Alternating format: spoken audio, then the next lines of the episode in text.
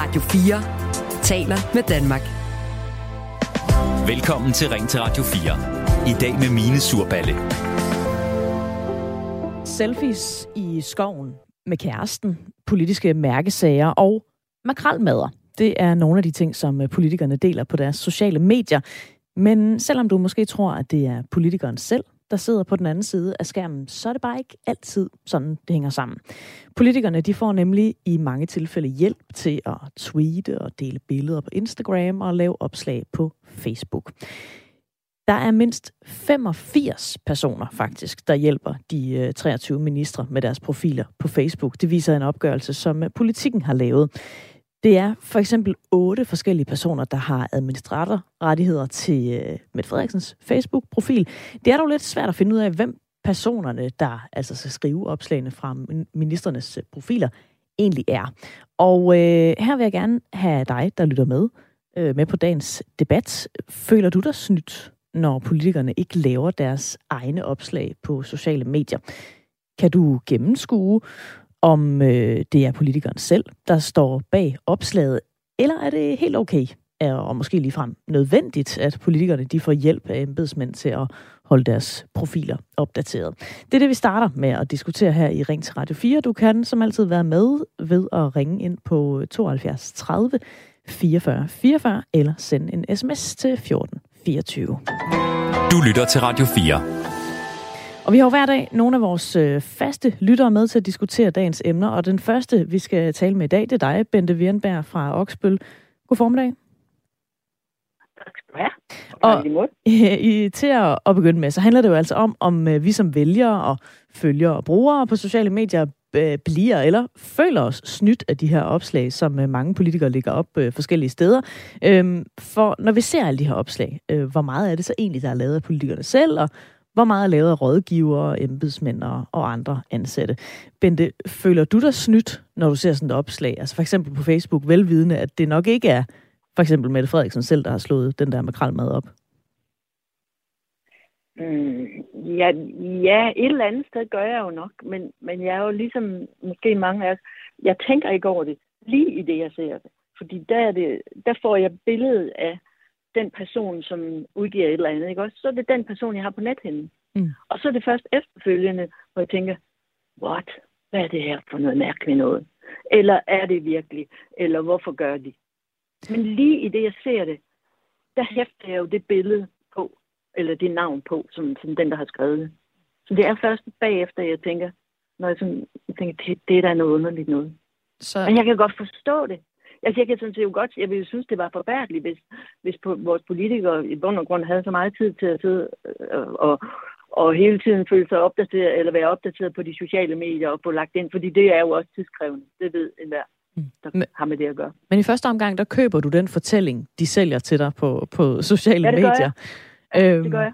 Hvor meget ja. følger du egentlig selv med i, hvad politikerne skriver og deler på sociale medier? Er det noget, du, du følger med i til daglig? Altså lige for tiden synes jeg, at jeg har fået nok af det. Men i forhold til valget og, og, og, og sådan noget, der står jeg det meget.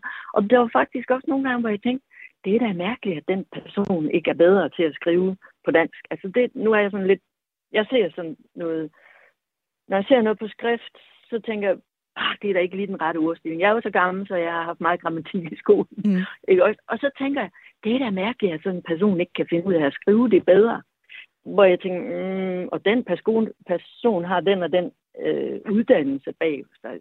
Hvor jeg tænker, men, men så bagefter så kommer jeg i tanke om, det er jo slet ikke sikkert, det er den person, der har skrevet det. Mm. Det kan være en helt anden. Og hvad så? Og jeg, jeg ved jo så, jeg, jeg bliver utryg ved at tænke, hvor meget ser de? Jeg ved jo godt, at overordnet, så ved de godt, hvad der bliver skrevet, men ved de lige præcis det der? Mm. Og, og så tænker jeg, er det ikke den persons mening, jeg egentlig vil have? I stedet for øh, det, som nogle af dem, der sidder bagved, skriver. Ikke? Ja. Så på den måde synes jeg, det er falsk. Ja. Hvor vigtigt er det for dig, at det, du så læser, at det er skrevet af politikerne selv? Fordi det er jo ikke, det er selvfølgelig ikke alle opslag, der er, der er fake, som du siger, men, men, men der er jo nogle af dem, Jamen, og synes... en del af dem, der er. Hvor, hvor vigtigt er det for dig, at, at politikerne selv har fingrene nede i det her på et eller andet tidspunkt? Jamen, altså jo mere bevidst jeg bliver om det, jo mere, mere bliver det jo uinteressant for mig, fordi jeg bliver utryg ved det og tænkte, hvad kan jeg regne med? Hvad kan jeg stole på? Hvad er sandt? Hvad er falsk?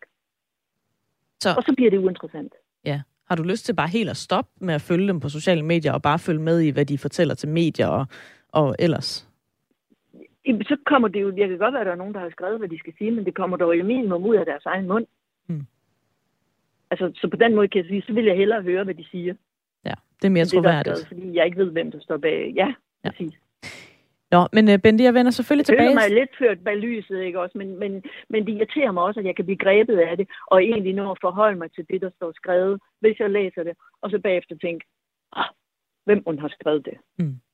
Bente, jeg vender tilbage til dig i øh, løbet af, af udsendelsen, ja, men uh, vi skal lige have nogle, uh, nogle andre folk på. Uh, ministre må selv styre private sociale medier. Sådan uh, skriver du, Christian Jensen, i uh, en leder i uh, Politikken, hvor du er ansvarshavende chefredaktør. Velkommen til Ring til Ret 4. Tak for det. Du mener, at det kan være eller blive, og måske allerede er, et demokratisk problem, at vi ikke ved, hvem der egentlig står bag de her opslag fra politikerne. Det handler især om, når embedsmændene de blander sig i den her slags opslag. Hvorfor er det et problem? Jamen altså, den ene del af det, det er jo det, hvor øh, lytteren lige har været igennem og, og redegør rigtig godt for, nemlig at, at, at der er et tillidsspørgsmål imellem politikere og ministre og, øh, og, øh, og befolkningen. Og det, det synes jeg er, er, er et aspekt og et væsentligt aspekt. Det er noget, som øh, ministre og politikere, de må, øh, de må ligesom øh, svare på over for deres vælgere. Så det andet aspekt af den her øh, debat, som jeg anser for at være demokratisk mere problematisk, det er, når ministre øh, bruger øh, embedsmænd i ministerierne til at servicere og promovere dem på, øh, altså ministerne på deres private sociale medier. Fordi øh, vi har i Danmark øh, et, øh, et, et system, hvor embedsmænd skal være neutrale. Embedsmænd de er sat i ministerierne for at sikre, at der bliver forvaltet og lovgivet lovligt øh, og øh, sandfærdigt, øh, og det skal de gøre over for Folketinget. Så hvis det er sådan, at embedsmænd bliver reelt øh, øh, spindoktorer for, øh, for, øh, for ministre, så skrider øh, ideen øh, og grundlaget for den måde, vi har indrettet øh, udøvelsen af magten på. Og det er et demokratisk problem. Ja, du, du kalder det faktisk også for misbrug af magtens beføjelser i din leder. Er det virkelig så alvorligt? Altså embedsmænd og de andre ansatte, de passer jo i virkeligheden bare deres arbejde, gør de ikke det? Deres arbejde er at, øh, at være embedsmænd for ministeriet og for den til enhver tid siddende minister. Øh, det er det, der er deres opgave. Deres opgave er ikke øh, at lave promovering på sociale medier for enkelt politikere. Øh, og det er jo det, der sker, når det er sådan, at de kommunikerer på de ministernes private sociale medier. Så er det jo, at de ikke længere tjener ministeriets interesse, men tjener min- ministeren, altså politikernes interesse. Og det er et skred. Øh, og, og der er ikke nogen retningslinjer i dag, nogen regler i dag, øh, der er fulgt med den medieudvikling, vi har set. Og det, jeg kalder på, det er, at vi både får undersøgt øh, det her område til bunds, og også får lavet nogle klare regler for, hvad må embedsmænd og hvad må embedsmænd ikke blive brugt til af ministre. Altså, ombudsmanden, Folketingets ombudsmand har lavet en undersøgelse af Dan Jørgensen, øh, fordi der var en klimaaktivist, der blev øh, afvist på Dan Jørgensens øh, hjemme, øh, hvad hedder det, øh, Twitter-konto, øh, som følger der. Øh, og han har undersøgt, øh, hvor, hvor, meget, hvor mange opslag øh, på Twitter Dan Jørgensen, forhanværende klimaminister, øh, han øh, fik øh, bistand til fra embedsmænd, altså som skal være neutrale. På hans private øh, øh, Twitter-konto, der var det 1000 opslag øh, på to år. 40 procent af samtlige af hans, af hans øh, opslag på Twitter var lavet af de embedsmænd, der skulle være neutrale. Og det er jo bare en væsentlig samfundsdebat, så det er jo ikke marginalt, det her. Det er jo ikke småting. Det er jo en relativt stor del, i hvert fald for Dan Jørgensens vedkommende. På politikken har vi så undersøgt andre ministre, øh, blandt andet øh, tidligere sundhedsminister Magnus Heunicke, øh, og for hans vedkommende var det op mod halvdelen af de øh, opslag, han øh, lagde op på, øh, på Twitter, som øh, havde øh, forelæg fra, øh, fra de såkaldte neutrale embedsmænd. Mm. Og det kræver bare en, en, øh, en, en samfundsmæssig debat og en politisk diskussion, øh, at, at sige, hvad, hvad er det egentlig, vi bruger vores, vores øh, embedsmænd til? Christian Jensen, øh, du får lige lov at blive hængende og lytte til vores øh, næste levende billede, nemlig dig, Astrid Haug. Du er digital rådgiver. Du hjælper blandt andet virksomheder øh, med deres kommunikation på sociale medier. Så du ved en hel del om også, hvordan politikerne de bruger deres, deres sociale medier. Velkommen til, Astrid. Mange tak. Er du enig i, at det er et demokratisk problem, når politikerne de får hjælp af embedsmænd og andre medarbejdere til at lave opslag på deres sociale medier? Altså, jeg synes, det er rigtig godt, at øh, ja, politikken og Christian Jensen sætter fokus på det her, fordi der er jo ingen tvivl om, at hvis der foregår noget ulovligt, eller noget, der er i en gråzone, jamen, så skal det afdækkes. Øhm, og, og der er jo også nogle ting i, i den her afdækning, politikken har lavet, som, som kan undre. Øh, for eksempel, at man fra statsministeriets side ikke vil sige, hvad er det en, der laver de her opslag, øh, og det er jo med til at gøre det, gøre det endnu mere øh, suspekt. Øhm, Christian Jensen er også inde på, at de nuværende regler jo øh, nok er lidt mangelfulde, eller i hvert fald er enormt uklare. Øh, og, og når jeg går ind og kigger på dem også, jamen, så synes jeg, de passer til, til det gamle mediebillede, øh, men har måske ikke fulgt med tiden, øh, og også den realitet, som, øh, som ministerne sidder i. Fordi som vi også, og, og vores lytter også var inde på tidligere, jamen så er det måske heller ikke... Øh, fordelagtigt, at vi har ministre, der skal sidde øh, øh i hvert fald en time om dagen, øh, både for at lave opslag, men jo i virkeligheden faktisk også at moderere, altså at fjerne kommentarer, som går over grænsen, eller som er spam, eller kan være de trusler, som man også skal anmelde til politiet. Og der kan være rigtig mange funktioner, som knytter sig til sådan en, en Facebook-side, og en Twitter, og en Instagram, og en TikTok, og der er rigtig mange forskellige profiler, man skal have. Så, så, så det er også lidt optaget, det er også, at vi finder den her realisme i det. For det ene ting er sådan, hvad kan man sige, hvad der sådan teoretisk er det rigtige at gøre, og, og hvad der er det bedste for embedsfolkene, men vi bliver også nødt til at kigge på den virkelighed, som, som man har som minister, og der er altså super, super travlt, øh, både med selvfølgelig at passe sit arbejde og servicere, øh, kan man sige, pressen, der stiller op til interviews, og så også lave sociale medier. Så jeg synes i virkeligheden også med de regler, vi har nu, øh, og med det, som, som politikken også afdækker, så synes jeg faktisk, vi, vi lærer vores politikere en lille smule i stikken. Det er rigtig svært for dem, øh, vil jeg i hvert fald øh, forestille mig, øh, at håndtere det her i praksis, øh, fordi har de reelt den tid, der skal til, øh, til at varetage de her sociale medier på en ordentlig måde. Mm. Burde de helt holde sig fra de sociale medier? Altså, de har jo også et andet, øh, eller de har jo et arbejde, de skal passe, som ikke har noget med sociale medier at gøre. Ja, det, det tror jeg næsten godt, du kan regne ud, det vil jeg ikke, det vil jeg ikke sige, de skal gøre. Øh, forstå som, at, øh, fordi det andet, jeg også er, er lidt optaget af, det er hvad, hvad tjener i virkeligheden borgerne bedst? Øh, fordi en ting er jo politikerne og, og embedsfolkene, men, men hvad er egentlig borgernes interesse? Og der kan vi jo se, hvis vi bare kigger på tallene, jamen så er der altså rigtig mange danskere, som gerne vil følge med i, hvad går vores politikere laver, og jo ser vores ministre og vores statsminister. Øh, og der kan vi jo altså se, at der er interesse for, for de faglige opslag, når det bliver kommenteret på... Øh, øh, ja, på, på, på politiske problemstillinger i Danmark og energikrise og krigen i Ukraine, men altså også de her mere bløde ting fra makrelmadder til gala øh, hos dronningen, til sportsresultater og, og juletræer og andre hyggelige ting. Øh, der er altså en bred interesse i befolkningen, og det er jo nok også der, hvor vi nærmer os den her gråzone, som, som Christian Jensen er med til at sætte fokus på. Øh, hvornår er det som minister, og hvornår er det som øh, politiker? For eksempel besøget hos dronningen, og, og Mette Frederiksen klæder om hjemmefra. Jeg tror også, det er noget af det, Christian Jensen han, har, han selv har brugt i sin, i sin leder. Jo, men det er jo kvæg sin statsministerrolle, at hun skal op til dronning, så derfor er det jo ikke privat-privat. Så, så vi, uanset hvordan vi vender det, så ender vi altså i enormt mange øh, gråzoner omkring, hvornår man egentlig er politiker, og hvornår man øh, privatperson. Og det er jo også øh, øh, man kan sige, for, for borgerne derude, så tror jeg, at de fleste af dem, der, der er den skælden måske ikke så afgørende, men det vil den selvfølgelig være i forhold til embedsmændene, det er jeg helt med på. Øh, vi har en, en lytter, der har skrevet ind til os, øh, Astrid, der hedder øh, Annette. Hun skriver, man må da håbe, at politikerne har nogen indflydelse på, hvad der bliver skrevet på de sociale medier. Det er både ganske overfladisk og i værste fald vildledende. Har de nogen indflydelse i din erfaring på, hvad der bliver øh, lagt op, eller sker det sådan lidt øh, i, i kulissen? Øh, nej, det har det helt klart en, en stærk indflydelse på, øh, og det, øh, det, øh, det er også mit klare indtryk, at det er noget, der sker i dialog med, øh, med ministerne, og de jo også i nogle tilfælde selv lægger, lægger de her ting op. Øh, men, men helt lavpraktisk kan vi jo se mange af tingene, det er jo nogle billeder, som de ikke selv kan have taget, altså som ikke er de her selfies. Så der har de i hvert fald fået noget hjælp, og de har jo også stillet op til de her billeder. Øh, og der er også nogle af de dialoger, som, som jo har været fremme i, i pressen, som er kommet med, at, altså, hvor det er tydeligt, at der er en dialog med politikeren, øh, ministeren omkring, jamen det er det her, der bliver lagt op på dine profiler, øh, men det er ikke nødvendigvis dem selv, der sidder og skrevet teksten, og det er heller ikke nødvendigvis dem selv, der trykker på den her knap, øh, hvor man siger øh, send, mm. eller opdater, eller hvad der efterhånden står på de knapper der. Jeg vender lige tilbage til dig, Christian Jensen. Nu hører vi jo øh, Astrid Hauke sige, at, at de, har jo, de har jo vildt travlt, de her politikere, og samtidig så er der også en forventning om, at de er til stede på de her sociale medier.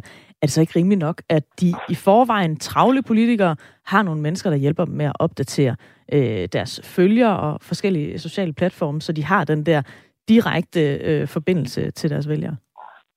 det er utrolig vigtigt, at vi, øh, at vi lige skældner imellem, imellem tingene her. Altså, fordi det, jeg kalder på, det er, det er, at vi får nogle klare retningslinjer og nogle regler, som følger med den medieudvikling, der har været, og også sikrer, at der er en hygiejne omkring det, øh, den måde, vi bruger vores, øh, og minister bruger deres embedsmænd på. Fordi også i den her debat, nu taler vi om politikere og og ministre. Der er en ret stor forskel på en politiker og en minister. Hvad en politiker gør, øh, at må, må politikeren fuldstændig stå, stå indenfor i henhold til lovgivningen, i henhold til, øh, til, til, til sit møde med vælgerne ved, ved, ved folketingsvalg. Det er noget ganske andet, når man er minister. Fordi så, så, så, har du, så har du et embedsværk, der i udgangspunktet skal være neutralt.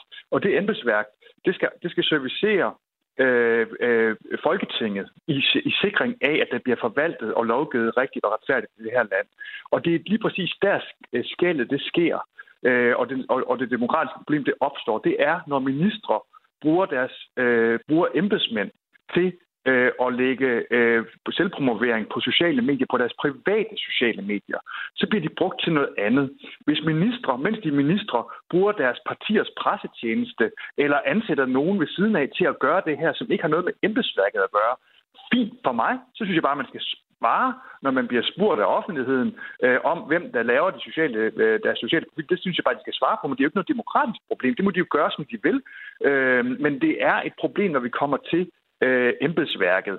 Og det er et større problem som så, fordi det er jo i den her sag og i andre sager, er der en glidning i det, øh, embedsværket og embedsmænd bliver brugt til i det her land.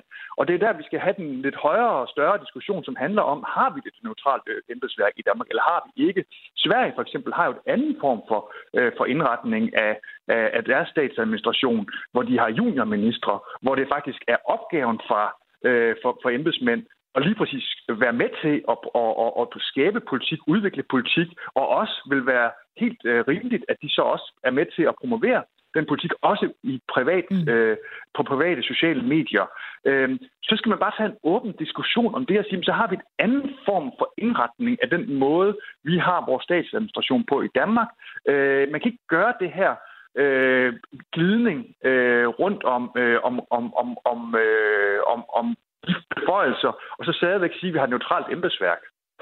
Ja, fordi jeg tænker også, at tiderne har vel også øh, ændret sig. Er, er det så ikke det, det handler om, at man skal øh, ændre den måde, vi, vi ser på embedsværket på? Øh, eller skal vi holde fast i den gamle opfattelse af det, når vi øh, har de her mange nye sociale medier, som der jo på en eller anden måde er et krav om, at de her politikere, eller i hvert fald en forventning om, at de er at finde på? Jamen, det er jo det, man kan tage en, det er jo det, man kan tage en politisk drøftelse af. Øh, og det er, jo, det er jo en stor, det er jo, det er jo en større diskussion, og det der bare er min bekymring i den her sammenhæng, det er, hvor kommer den debat fra?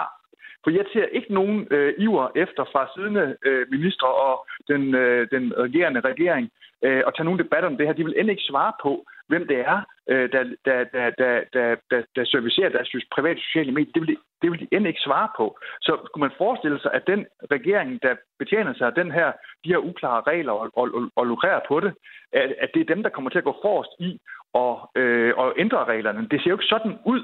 Altså som, øh, som Astrid Haug nævnte, så vil Mette Frederiksen ikke fortælle, hvem det er, der, øh, der, der, der betjener hendes øh, Instagram, hendes Twitter, hendes Facebook, hvor hun, hvor hun i øvrigt øh, øh, er på sociale medier i privat regi. Mm.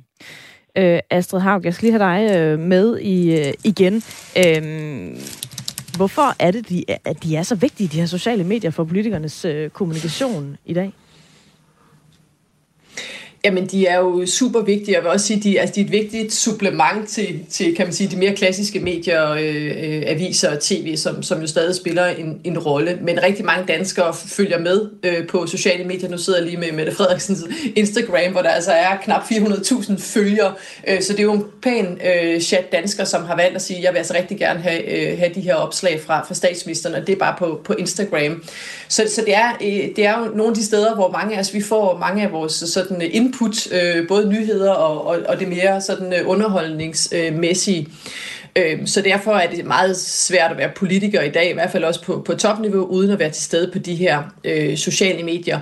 Og, og jeg jo synes set, øh, altså det jeg også hører Christian Jens sige, det her, altså det, det der sker i dag, hvor, hvor, hvor vi ligesom lader som om, at det er deres private sociale medier, de har, og nogle gange også skriver, at de er her som, som privatpersoner, det er jo en illusion, fordi at ministerne også bruger dem øh, til, øh, til netop deres, deres ministeropgave. Så en af de løsninger, som, som jo har været i spil, det er, at man som minister laver en, en decideret decideret ministerprofil. Øh, vi ved fra, fra USA, der er der i hvert fald på, øh, ja, på Twitter og også øh, Facebook, så er der ligesom sådan en, en POTUS, altså øh, præsident-Twitter-konto, som så går i arv fra den ene præsident til den anden. Man kunne godt forestille sig noget tilsvarende her, øh, at man ligesom har de her. Jeg tror bare stadig, vi vil ende i det samme netop med de her gråzoner, fordi for eksempel når, når statsministeren hun, øh, hun ser fodbold, eller går til gala, eller nogle andre ting, jamen det er jo noget, som også vil interessere de folk, der følger hende som minister, fordi det jo også er, er hendes rolle som minister. Så jeg tror også, der er et eller andet med, at vi må, altså vi skal også, øh, tror jeg, forny vores syn på, hvad vil det sige at være, være politiker.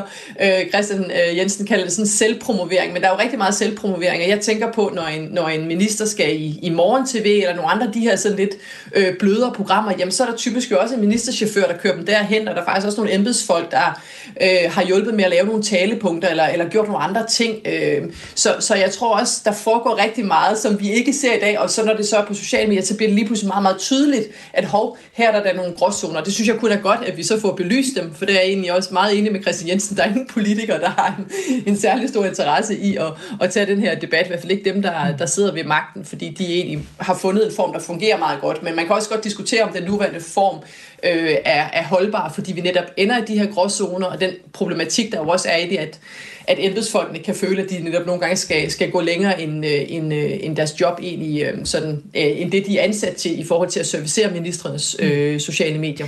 Øh, altså, jeg har fået en, en besked fra en, der hedder Daniel. Han skriver, jeg mener, det er utroværdigt, hvis der er eksempelvis otte personer til at passe statsministerens sociale medier. Der, det er jo otte forskellige personligheder, otte forskellige tolkninger af, hvad statsministeren mener om ting. Øh, har man ikke selv tid til at passe sit sociale medie, så må man lukke det ned. Ganske enkelt, siger han. Øh, jeg tænker, at du jo som ekspert i kommunikation på sociale medier øh, er lidt bedre end os andre til at gennemskue, når der er noget, politikerne ikke selv har skrevet, øh, og når det er noget, en, en, for eksempel en embedsmand eller en, en, en, en, en rådgiver har skrevet. Øh, kan du ikke give os et par fifs til, hvordan vi andre kan lure det? Jo, altså jeg tror, altså mit, mit sådan umiddelbare input vil også være, altså meget af det, der sker på sociale medier, er jo altså en, en illusion. Det er i hvert fald meget kurateret. Så selv de her opslag, som er meget private, det kunne være makrelmad eller andre ting, øh, jamen det, er jo et, det har man jo så valgt at bringe. Øh, det, der sker fem minutter før eller fem minutter efter, det vælger man ikke at bringe. Så alt, hvad man ser på sociale medier fra politikere, og det kunne også være øh, top erhvervsfolk osv., det er jo nøje udvalgt. Om det så er meget sådan bevidst og kynisk, eller det er mere sådan ubevidst, at Nå, det her, det vil jeg gerne, den her side af mig selv vil jeg gerne vise frem. Så jeg tror, man, man sådan, hvis man sådan har sådan et kritisk filter øh, som udgangspunkt, så, så, øh, så, øh, så er man rigtig godt øh, kørende. Så det næste, man kan kigge på, det er jo netop billederne. Altså, øh, nu kigger jeg igen på Mette Frederiksens Instagram, hvor man siger, der er nogle af billederne, dem har hun åbenlyst ikke selv taget, fordi hun ikke holder et, et kamera i hånden, og der er andre af dem, som er lidt mere selfieagtige. Og så kan man netop gå ind og kigge på, på teksterne og, og sprogbrug. Øh, jeg kan huske, da, da Lars Løkke han var, var statsminister, der var det nogle gange meget tydeligt, at der ligesom var kommet lidt flere sådan øh, slåfejl, og jeg mener også, der var nogle nutidsager og andre ting, som, som, øh, som afslørede, at det nok var, var ham selv, der stod bag det her opslag, og altså ikke en, en, øh, en medarbejder. Øhm, og, og så det her med, at der er mange forskellige indover, det er jo præcis det, som jobbet går ud på. Nu har jeg også selv siddet som, som presserådgiver og særlig rådgiver.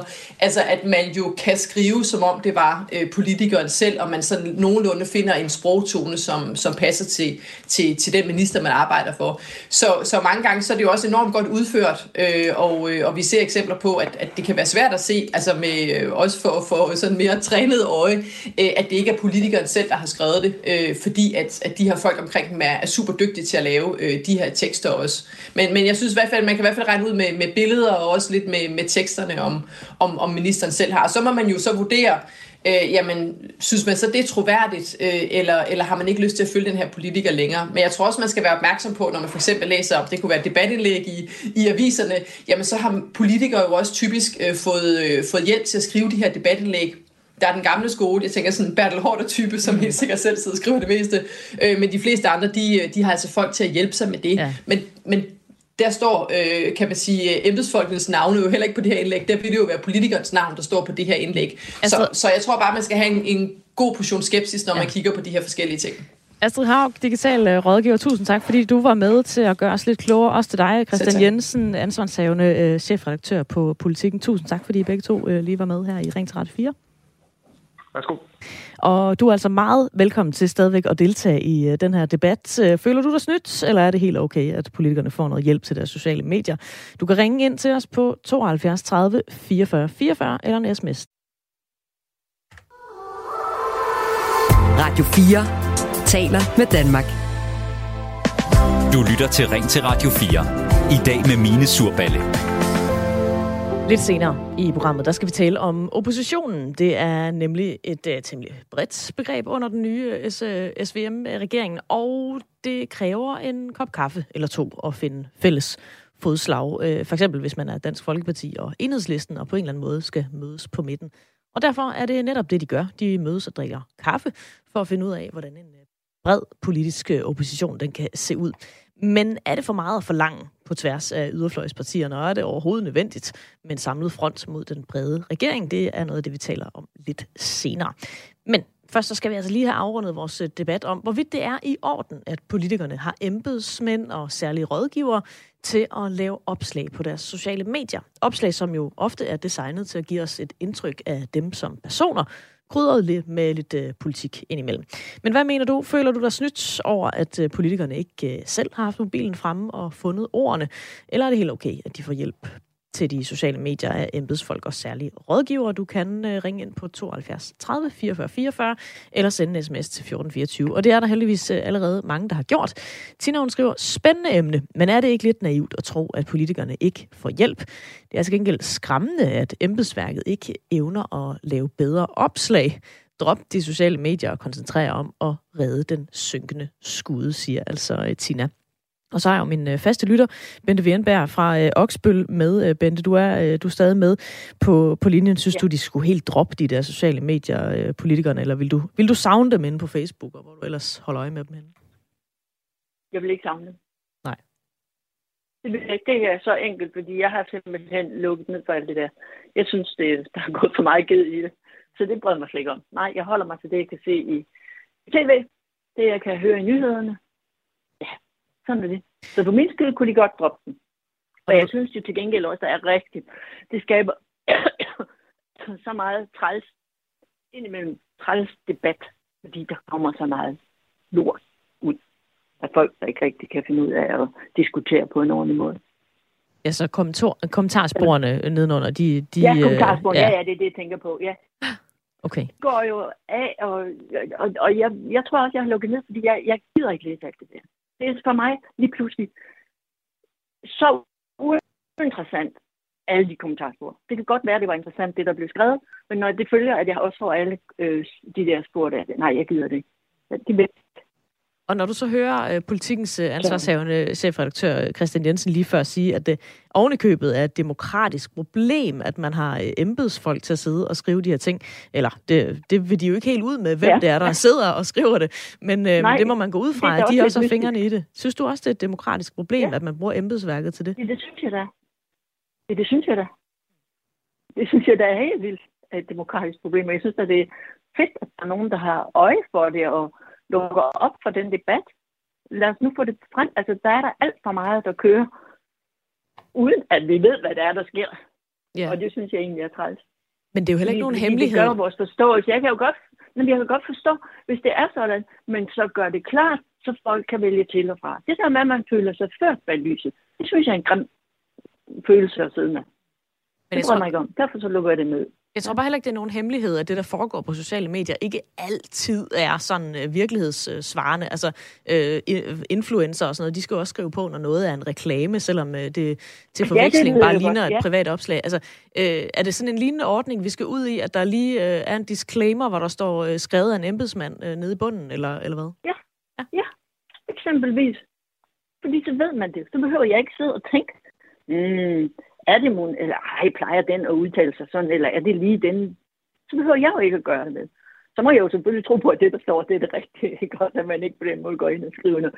Men den tillid vil jeg da også godt have. Men det synes jeg, det kunne være fedt. Fordi så kunne jeg rette min, øh, mine tanker hen på den person, der har skrevet det, eller læse det på en anden måde, eller hvad man nu vil med det. Men jeg synes, det er så vigtigt at kende afsenderen. Ja. Og det er jo ikke afsenderen, når det er en anden en, der sidder og skriver det. Ja, det er, altså, det er okay jo afsender, men det er i hvert fald ikke skrevet af den person. Ne? Ja. Øh, Bente, jeg skal lige tale med en, øh, en anden lytter, så, så du får lige lov at, ja. at hænge lidt. Øh, vi har nemlig øh, Martin på 37 fra Østermarie på Bornholm med. Øh, Martin, du synes ikke, der er et troværdighedsproblem i, at de, de får noget hjælp, de her politikere. Hvorfor ikke det? Det, det er lidt forkert skåret op. Øhm, det, det, jeg siger, det er, at det er ikke et problem, så længe at øh, det, der står, og det, der er skrevet af andre, det ikke bliver undsagt af dem, som det bliver skrevet for. Altså, så længe at de ikke kan gemme sig bag det, jamen det er faktisk ikke mig, der skrev det, så det mener jeg ikke alligevel. Men det, jeg så mener er et problem, det er, at hvis de private profiler, altså noget, der er i privat regi, ligegyldigt hvilken indstilling man nu engang har, bliver betalt af det offentlige, fordi at vi betaler embedsmænd for at sidde og lave noget, som er privat for ministerne, så er det et problem. Okay, så hvis øh, der opstår et eller andet problem, som vi jo øh, nogle gange har set, og de siger, nej, men det notat, det fik jeg aldrig, eller det opslag, det var faktisk øh, ham herovre, der skrev det i stedet for. Det der problemet opstår. Altså, ja, så har du et problem, og så har vi jo også et problem, hvis vi accepterer som samfund, at vores økonomi, altså vores skattekroner, bliver brugt til, at der sidder nogle embedsmænd og laver private, altså hvad der skulle være private opslag. Så du er enig med, med Christian Jensen, når han siger, at, at embedsfolk de skal, de skal varetage ministeriets interesser, ikke ministerens interesser. Der skal være en skarp linje mellem de to ting. Ja, altså, altså det, det bliver da i hvert fald forkert, hvis vi betaler nogen med vores skattekroner for at sidde og gøre noget, der er privat. Så, så skal det jo være, fordi at en Facebook-profil ikke bliver bestyret som privat, at det er en embedsprofil så kan man måske acceptere, at det kan gøres sådan. Men, men det er i hvert fald et klart problem, at skattekroner går på noget, som der øh, helt bund og grund er privat. Og der er jo rigtig mange gråzoner netop i det der med private og, og, og hvad der er, af politiske øh, profiler og sådan nogle ting der. Skal der være nogle, nogle klare retningslinjer for det? Altså skulle de tage og sætte sig ned og simpelthen lave noget lovgivning på det område? Altså med den mængde, som uh, Christian Jensen han har fået ud af, at der bliver lavet, så, så kunne det jo godt lyde som om, at det er nødvendigt, fordi det lyder sådan, som en masse lønkroner, der går til det. Ja. Og hvis det så er privat, altså hvis udgangspunktet er, at det er noget privat, så, så nytter det jo ikke noget, at vi har et embedsværk, som sidder og skriver det for vores skattekroner. Altså, nu ved jeg ikke, hvor meget du selv øh, følger de her politikere på, øh, på de forskellige sociale medier, men kan du gennemskue, når noget er skrevet af dem selv, og når noget er skrevet af nogle andre? Nej, det kan jo godt være svært. Men holder du øje det med det? Altså, kan du godt men... sidde bagefter sådan, kan ja, jamen, jeg holder øje med det, fordi nu, nu sidder jeg også selv op til folketingsvalget, så jeg holder faktisk lidt øje med politik. Men, men øh, altså, det, det gør mig ikke noget, at det ikke er dem selv, der har skrevet det så længe at de bare vil stå inden for det. Ja, så den skal lige, den skal lige godkendes af, af, af den, der har ansigt på, inden den bliver lagt ud. Ja. ja, men altså indtil videre, så har jeg ikke oplevet, at der er nogen, der har undsagt sig det, fordi at det er en embedsmand, de har sat til det. Ja. Så på den person, så har der jo ikke været sådan et problem endnu. Men, men det, jeg siger, det er, at jeg vil da, jeg vil da gerne have, at, at mine skattekroner ikke gik på at lave private opslag, fordi det er trods alt privat. Det er jo svar til, at vi også skal betale øh, en pakke smør, fordi at det skal de bruge derhjemme. Det, det, det nytter jo heller ikke noget. Ja. Det, det kan man bruge sine lønkroner på. Martin, Men ikke, ikke de private, eller ikke de offentlige øh, midler. Ja. Martin, tak fordi vi lige måtte øh, ringe til dig og snakke lidt om det her. Selvfølgelig. Og øh, der er så også flere, der har øh, skrevet en, øh, en anden. Øh, Martin, øh, det fortæller bare, hvor manipulerende og upålidelig dansk politik er blevet, skriver han. Og øh, Inger, hun øh, skriver, det er så useriøst at se på Mette Frederiksens utallige opslag med makralmad, vinduespudsning, fodboldkampe og optræden med Candice. Hvem henvender man sig egentlig til? Da jeg er et politisk dyr, finder jeg det yderst skamfuldt. Desuden er der åbenbart embedsmænd, øh, der opdaterer deres øh, profiler.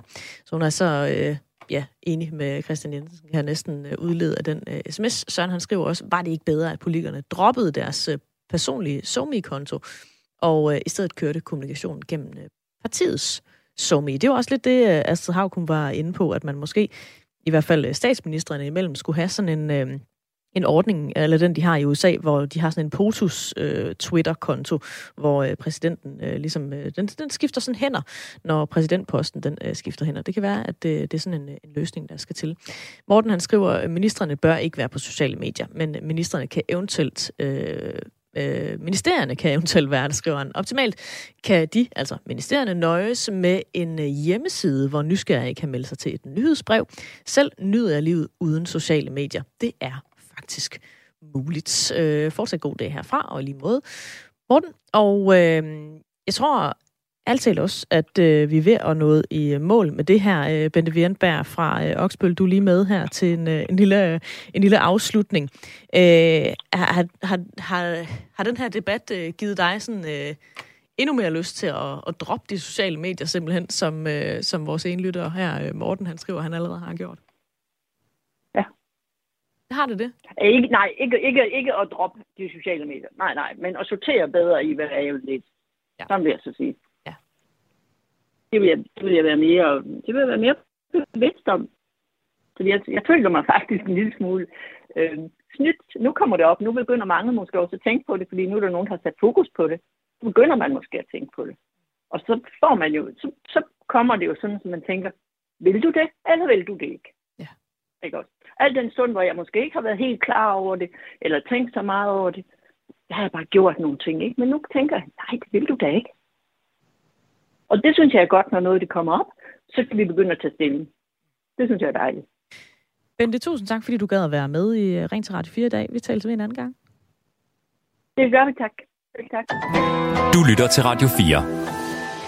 Og vi hopper videre fra politikere på sociale medier til det politiske landskab i oppositionen.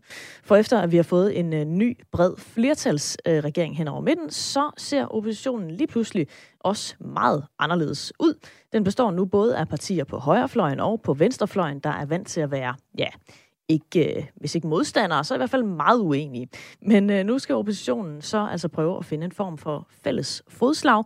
De skal i hvert fald øh, drikke kaffe sammen snart øh, på initiativ fra Dansk Folkepartis formand Morten Messerschmidt, hvilket øh, han uddyber til DR's politiske podcast øh, Sotsholmen her tidligere på ugen. Selvom vi jo ser sådan indholdsmæssigt forskelligt på mange ting, så kan vi godt have en interesse i øh, at koordinere, så regeringen har mulighed for ligesom at spille os ud mod hinanden. Ja, oppositionspartierne, de skal altså koordinere på trods af deres forskelligheder, siger øh, Morten Messersmith her. Og nogle af de partier, han nævner, som han gerne vil mødes med, det er Enhedslisten, SF, De Konservative og Liberal Alliance. Og derfor vil jeg gerne spørge dig, der lytter med. Har vi brug for en samlet opposition til at øh, sige magten imod? Eller er det utopisk, at partier med så vidt forskellige værdigrundlag kan finde fælles fodslag? Og er du eventuelt øh, lidt skuffet over, at du har stemt på et parti, som så nu prøver at samarbejde med den helt modsatte fløj. Du kan ringe ind og blande dig i debatten på 72 30 44 44, eller send mig en sms på 14 24. Du lytter til Ring til Radio 4. Og så kan jeg byde velkommen til øh, den anden af vores faste lyttere her på øh, programmet, nemlig, øh, som vi har inviteret med i debatten, nemlig dig, øh, Kasper Vestberg. Du er 37, du bor i øh, Frederikssund, og så øh, arbejder du som visevært. Velkommen til. Jo, tak. Tror du på, at oppositionen de kan samles om noget som helst? Øh, jamen, jeg, jeg ved, jeg, jeg, jeg er måske lidt... Øh, jeg, jeg tror ikke, det er en rigtig opposition. Altså, det, det, en opposition er jo normal øh, det modsatte af, af regeringen. Og, og lige pt. er der jo ikke en som sådan samlet opposition. Der er nogle, nogle venstrefløjspartier og nogle højrefløjspartier som skal finde et eller andet fælles fodslag. Øh, men jeg synes ikke, det er en samme opposition overhovedet. Øh, jeg synes også, det er svært at kalde det. Men jeg synes så, at grundlæggende er det vigtigt at have en opposition, fordi øh, at på den måde får man den bedste balance, når man skal tage beslutninger på vegne af, af os alle sammen. Ikke? Tror du, man som vælger kan blive lidt forvirret, hvis man for eksempel har stemt på enhedslisten, og nu hører, at de skal ind og drikke kaffe med Dansk Folkeparti? Nej, jeg synes ikke, man skal gøre vælgerne dummere, end, end de er. Øh, jeg synes ikke, der er noget at blive forvirret over. Jeg synes egentlig godt om tanken om, at man, at man tager samtalen. Der, hvor jeg bare sådan tænker, at det er for svært det sådan at have en sådan rigtig reel substans og kan gøre en forskel, det er, politisk er der jo rigtig, rigtig langt på rigtig mange områder. Øh, hvis vi tager enhedslisten ud på måske det, det yderste venstrefløjen, og vi tager Nye Borgerlige eller, eller Danmarksdemokraterne, eller hvem det nu kan være på, på den yderste højrefløj.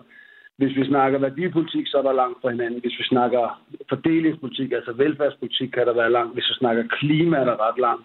Så hvad er det, man skal være samlet om? Altså det her med at have en samtale, og det her med at gå til regeringen, det synes jeg altid, man skal, når man, når man er i opposition. Mm. Det synes jeg jo også, man skal gøre, når man er det parlamentariske grundlag.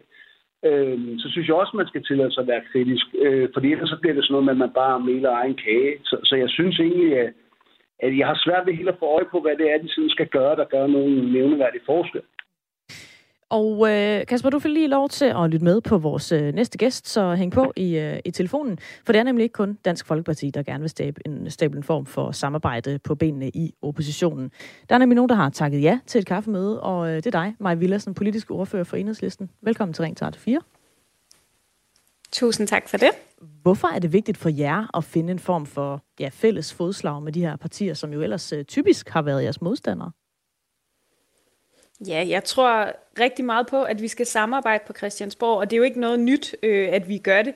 Fordi der er politikområder, hvor vi på kryds og tværs af eller store forskelle faktisk nogle gange er enige.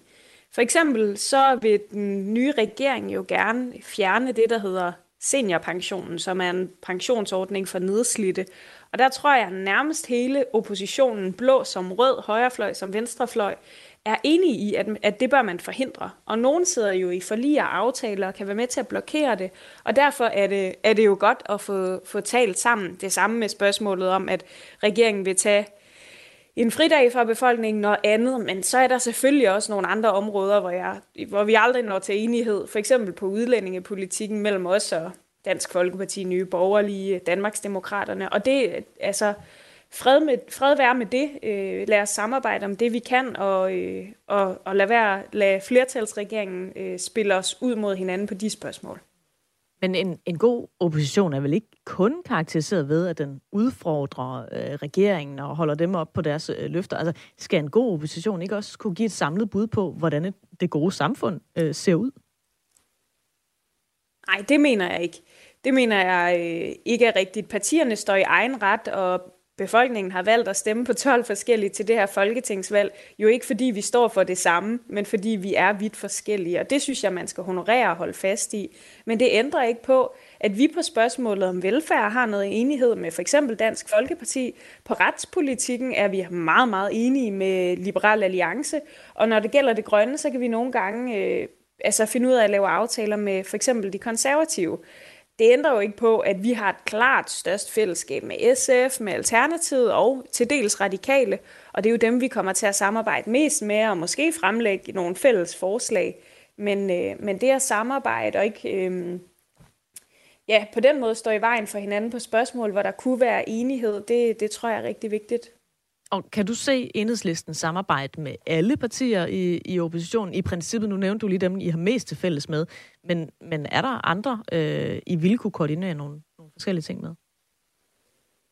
I princippet så ja. Altså hvis der er fælles øh, enighed om et, et spørgsmål, så kommer vi ikke til at udelukke at samarbejde med nogen. Det har vi aldrig gjort, øh, og det synes jeg sådan set også er en, en hævdvunden tradition, som alle i Folketinget øh, lever op til. Vi er vant til at lave meget brede aftaler for lige og, og, øh, og forhandle med hinanden. Med det sagt, så er der jo kæmpe øh, forskel på os som partier, og det parti, der måske ligger længst væk fra enhedslisten, det er jo nye borgerlige, og der, der er få ting, øh, jeg tror, vi kan enes om. Det ene, det er, at vi ikke skal afskaffe helligdage. Øh, det, det kan jo være et samarbejdspunkt nu her, men ellers så... Øh, så er der måske ikke så mange ting. Det, det må vi se down the line.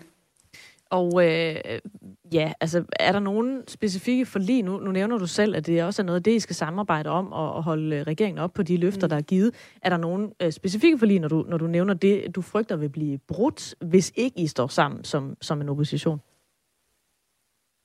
Ja, dels er der jo seniorpensionen, som den nye regering, som et øh, lyn fra en skyfri himmel, lige pludselig sagde, de ville fjerne.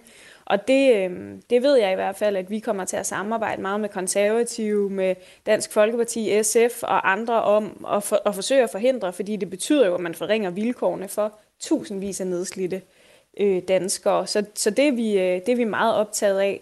For os at se, er vi jo også meget optaget af de grønne aftaler, hvor vi er med, og hvor øh, måske en del af højrefløjen ikke er med, hvor vi er meget optaget af at få ambitionerne op fortsat, og at regeringen ikke skal kunne bryde med, med de aftaler, der ligger. Men det bliver meget spændende, fordi vi har en flertalsregering, som i princippet kan vælge at gøre øh, lige, hvad den vil, og der vil vi jo forsøge at holde den op på, også at høre øh, resten af Folketinget.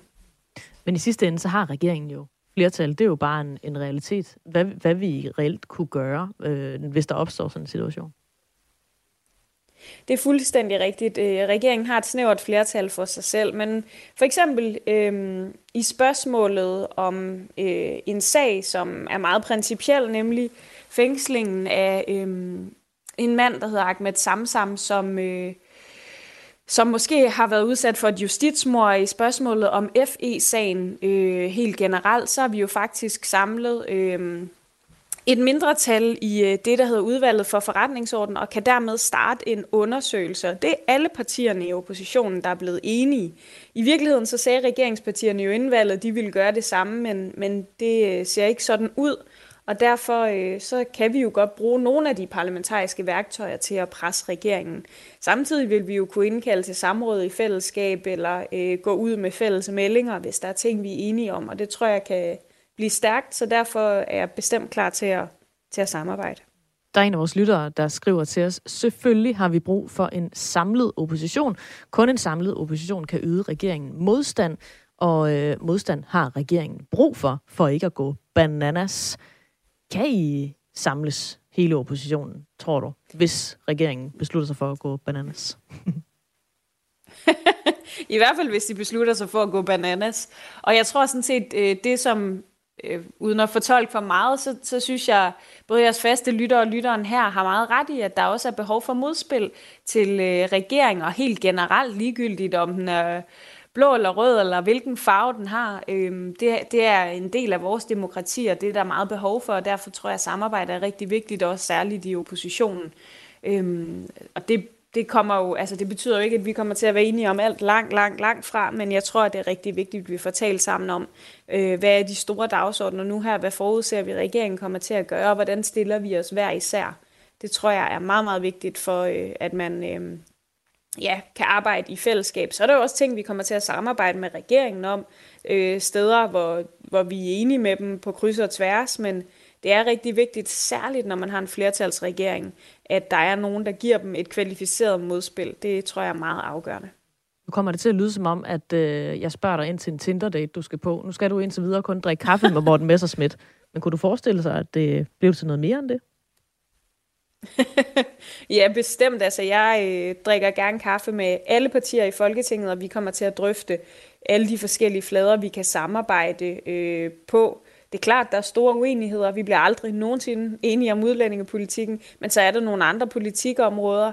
For eksempel ældreområdet, som jeg ved fylder meget for Dansk Folkeparti, men sådan set også er rigtig vigtigt for os i enhedslisten. Spørgsmålet om øh, løn til de offentligt ansatte, for eksempel sygeplejerskerne, øh, har vi jo også samarbejdet om tidligere, så, øh, så det er ikke fremmed for mig, at det, det godt kan udvikle sig til mere. det er grund til at spørge det også, fordi vi har en lytter, der skriver, en samlet opposition kan også øve sig i at blive til en ny regering. Kan man forestille sig en, øh, en ØDF-regering en eller anden dag? Det har jeg meget, meget, meget, meget svært ved at se, fordi sandheden er den, at hvis man sidder i øh, regering sammen, så øh, skal man jo stemme det samme, og Enhedslisten og Dansk Folkeparti kommer aldrig til at stemme det samme i udlændingepolitikken, så derfor nej, det kommer aldrig til at ske. Det var øh, klare ord for dig, Maja Villersen, politisk ordfører for Enhedslisten. Øh, tak fordi du var med. Selv tak. Og så synes jeg lige, vi skal vende øh, tilbage til dig, øh, Kasper, vores øh, faste lytter fra, øh, fra Frederikssund. Altså, øh, nu hører vi mig Villersen sige, at øh, det er et kaffemøde indtil videre. Øh, det kan nå at blive til noget mere, men der er også bare steder, hvor de aldrig kommer til at, at samarbejde for hinanden. Synes du, det lyder som om, at, at vi har en, en samlet opposition på vej? Skal jeg lige finde... Det gik ikke. Der var du, altså, Kasper. jeg, jeg synes, uh, retorisk så ind, har det jo ændret sig ret meget siden, uh, siden valget og, og, og siden den her regeringsdannelse. Altså helt indtil nærmest, at det blev officielt med den her regering, SVM-regering, så har retorikken været ret hård for både venstrefløjen og for højrefløjen, men primært venstrefløjen, fordi de i lang tid så til at faktisk kunne danne den her rødgrønne rød øh, flertal der. Øhm, og nu, nu, nu er det sådan lidt mere en forsonet tone, og man kan jo godt snakke sammen. Jeg synes, det, jeg synes, det bliver lidt hyggeleri. Altså, jeg synes, både rød som blå har for vane, at når man har øh, normalt den, altså, øh, hvad hedder det, den parlamentariske flertal, så, så, så kører man lidt sit eget show. Man dækker lidt over sin egen. Jeg synes, det, det, det har vist sig med, da det var Mette Frederiksen i sidste valgperiode, hvor det var rød. Det har vist sig tidligere omvendt, da det var blå. Øhm, jeg tror ikke rigtig på det. Jeg synes, det er fint at tage de her kaffemøder. Jeg synes, øh, jeg synes, det er fornuftigt at tale sammen. Og jeg synes også, de her, hvor nogle af de her ting, der er forlisbundne, der skal man selvfølgelig forsøge at holde fast i de ting, så man ikke ændrer for meget i forhold til det, man har gået til valg på. Men jeg synes bare ikke, der er tale om den samlet opposition. Øh, og jeg, jeg tror ikke på, at det kommer til at ske overhovedet. Kasper, vi nærmer os nogle øh, nyheder, så dem får du lige lov til at øh, lytte på. Men øh, alle dem, der sidder og lytter med derhjemme, de må altså meget, meget gerne deltage i øh, den her debat, vi har gang i. Er der øh, fremtid for en øh, samlet opposition? Har vi overhovedet brug for øh, sådan en? Og øh, ja, øh, er man lidt øh, forvirret, hvis man øh, ser en, en, en enhedslisten gå øh, til kaffemøde med et dansk folkeparti her øh, lige efter et, øh, et valg. Men jeg vil gerne høre fra dig. Du øh, kan ringe til mig på 72 30 44 44 eller sende en sms på øh, 14 24 og øh, deltage i debatten. Det er der også et par stykker, der har gjort. Dem vender vi lige efter nyhederne klokken er 10. Radio 4 taler med Danmark. Velkommen til Ring til Radio 4. I dag med Mine Surballe. Hvor vi i dag taler om, hvorvidt oppositionen i dansk politik har noget som helst at samles om, og det gør vi jo, fordi Dansk Folkepartis formand Morten Messerschmidt har inviteret en række af oppositionspartierne til kaffemøde med henblik på at koordinere politik for ikke at blive spillet ud mod hinanden. Lige før, der talte jeg med enhedslistens politiske ordfører, Maj Villersen, der øh, også tror på, at det er meget øh, vigtigt med en stærk opposition, uanset de øh, uenigheder, der øh, måtte være øh, blandt oppositionspartierne. Der er dog nogle ting, hun tænker, at hun aldrig kommer til at kunne øh, samarbejde med Morten Messersmith om, blandt andet øh, flygtning- og indvandrerpolitik. Men hvad mener du egentlig? Er det vigtigt med en øh, samlet opposition, eller er det et dødstumt projekt, at øh, fløjpartierne til både højre og venstre skal prøve at samarbejde? Du kan ringe ind til mig på 72 30 44 44, eller sende din holdning i en sms til øh, 14 24. Men nu har jeg fået gæster i studiet en, øh, en druknet mus, har jeg lyst til at sige, fordi du har også været ude i det her forfærdelige regnvejr. Vi har øh, Henrik Bække Seberg, men øh, du kom frem, og velkommen til. Tak for det. Du er lektor i statskundskab på øh, Aarhus Universitet, og så har du forsket i øh, oppositionens adfærd. Det er det, du skal gøre os lidt øh, klogere på. Mm. Og hvad er det for nogle udfordringer, øh, udfordringer, som den her nye opposition generelt står overfor? Jamen, det bliver jo... Øh, der er både muligheder og udfordringer i den her helt nye konstellation. Det er jo meget nyt i Danmark, at vi har sådan en splittet opposition på to sider af regeringen. Og udfordringen bliver selvfølgelig at, øh, at se, om de kan finde lidt fælles fodslag, fordi man slår hårdere, hvis man slår øh, flere sammen. Øh, og muligheden er selvfølgelig også, at man kan angribe fra flere flanker. Ja. Så regeringen skal jo kigge sig både øh, frem, men også øh, i nakken hele tiden, ikke? Og det er vel også faren ved at være så splittet, at man måske ikke kan lave den der fælles front på så mange punkter. Ja, jeg tror at de skal kigge lidt længere efter det, mm. men de ved godt, hvad der skal ske, og, øhm, og jeg tænker, de ved godt, hvor de, og, og det ved de jo også, hvis det var en, en venstrefløjs opposition, så ved Enhedslisten og SF selvfølgelig også, hvor de kan mødes, og hvor de i mindre grad kan mødes. Så, så det tror jeg, at de, det finder de ud af, men det er selvfølgelig noget helt andet. Mm. Kan man udpege nogle særlige områder, hvor de forskellige de vil kunne arbejde sammen? Det tror jeg godt, man kan. Altså nu nævnte du selv immigrationspolitikken. Øh, den vil jeg også selv have nævnt som et af de steder, hvor de nok ikke vil søge øh, mm. samarbejde. Jeg tror generelt, de vil søge samarbejde om at... Øh, at være utilfredse med alt det upopulære, som regeringen kommer til at gøre. Mm. Regeringen skal lave masser af reformer, det vil sige, at de skal skære ned og nedskalere forskellige steder. Og det tror jeg, de kan mødes om, øh, især fordi det handler i høj grad om socialpolitik øh, og politik, øh, som kan vedrøre ældre og øh, dem, der er afhængige af sundhedsvæsenet. Og, og det er vælgere, som både Maj Villersen og Morten Messerschmidt taler til og repræsenterer. Men hvad kommer vi til at se der? Altså, der er jo en opposition, der øh, er i, i mindretal der. Altså, regeringen er i flertal. Har de overhovedet nogen magt i deres, øh, i deres utilfredshed, eller kommer til at stå og råbe for døve ører? Et godt spørgsmål. Øhm, og normalt vil man også tænke, at øh, de har ikke noget at gøre. De kan bare sætte sig ned og vente fire år. Øhm, men min egen forskning har vist, at når det kommer til at sætte den politiske dagsorden, så har oppositionen faktisk en, en masse muligheder, og vi kan se, at de, de lykkes med meget over de sidste mange år, når vi kigger på det. Mm. Og en af forklaringerne er, at øhm, oppositionen står jo ikke til ansvar for noget. Altså hver gang de problematiserer et eller andet og siger, det er også for galt, og det er ikke okay, og det er også for dårligt, så bliver de ikke bedt om at komme med løsningen, mm. i modsætning til regeringen. Og på den måde, så har oppositionen faktisk øh, en god hånd, når det kommer til at sætte dagsordenen. Fordi det er en gratis omgang at sige noget. Det er en lidt gratis omgang, og det er et sted, som regeringen ikke rigtig kan kontrollere, fordi den dagsorden, den bliver til i samspil med især medierne, og selvfølgelig også, hvad der rører sig ud blandt vælgerne.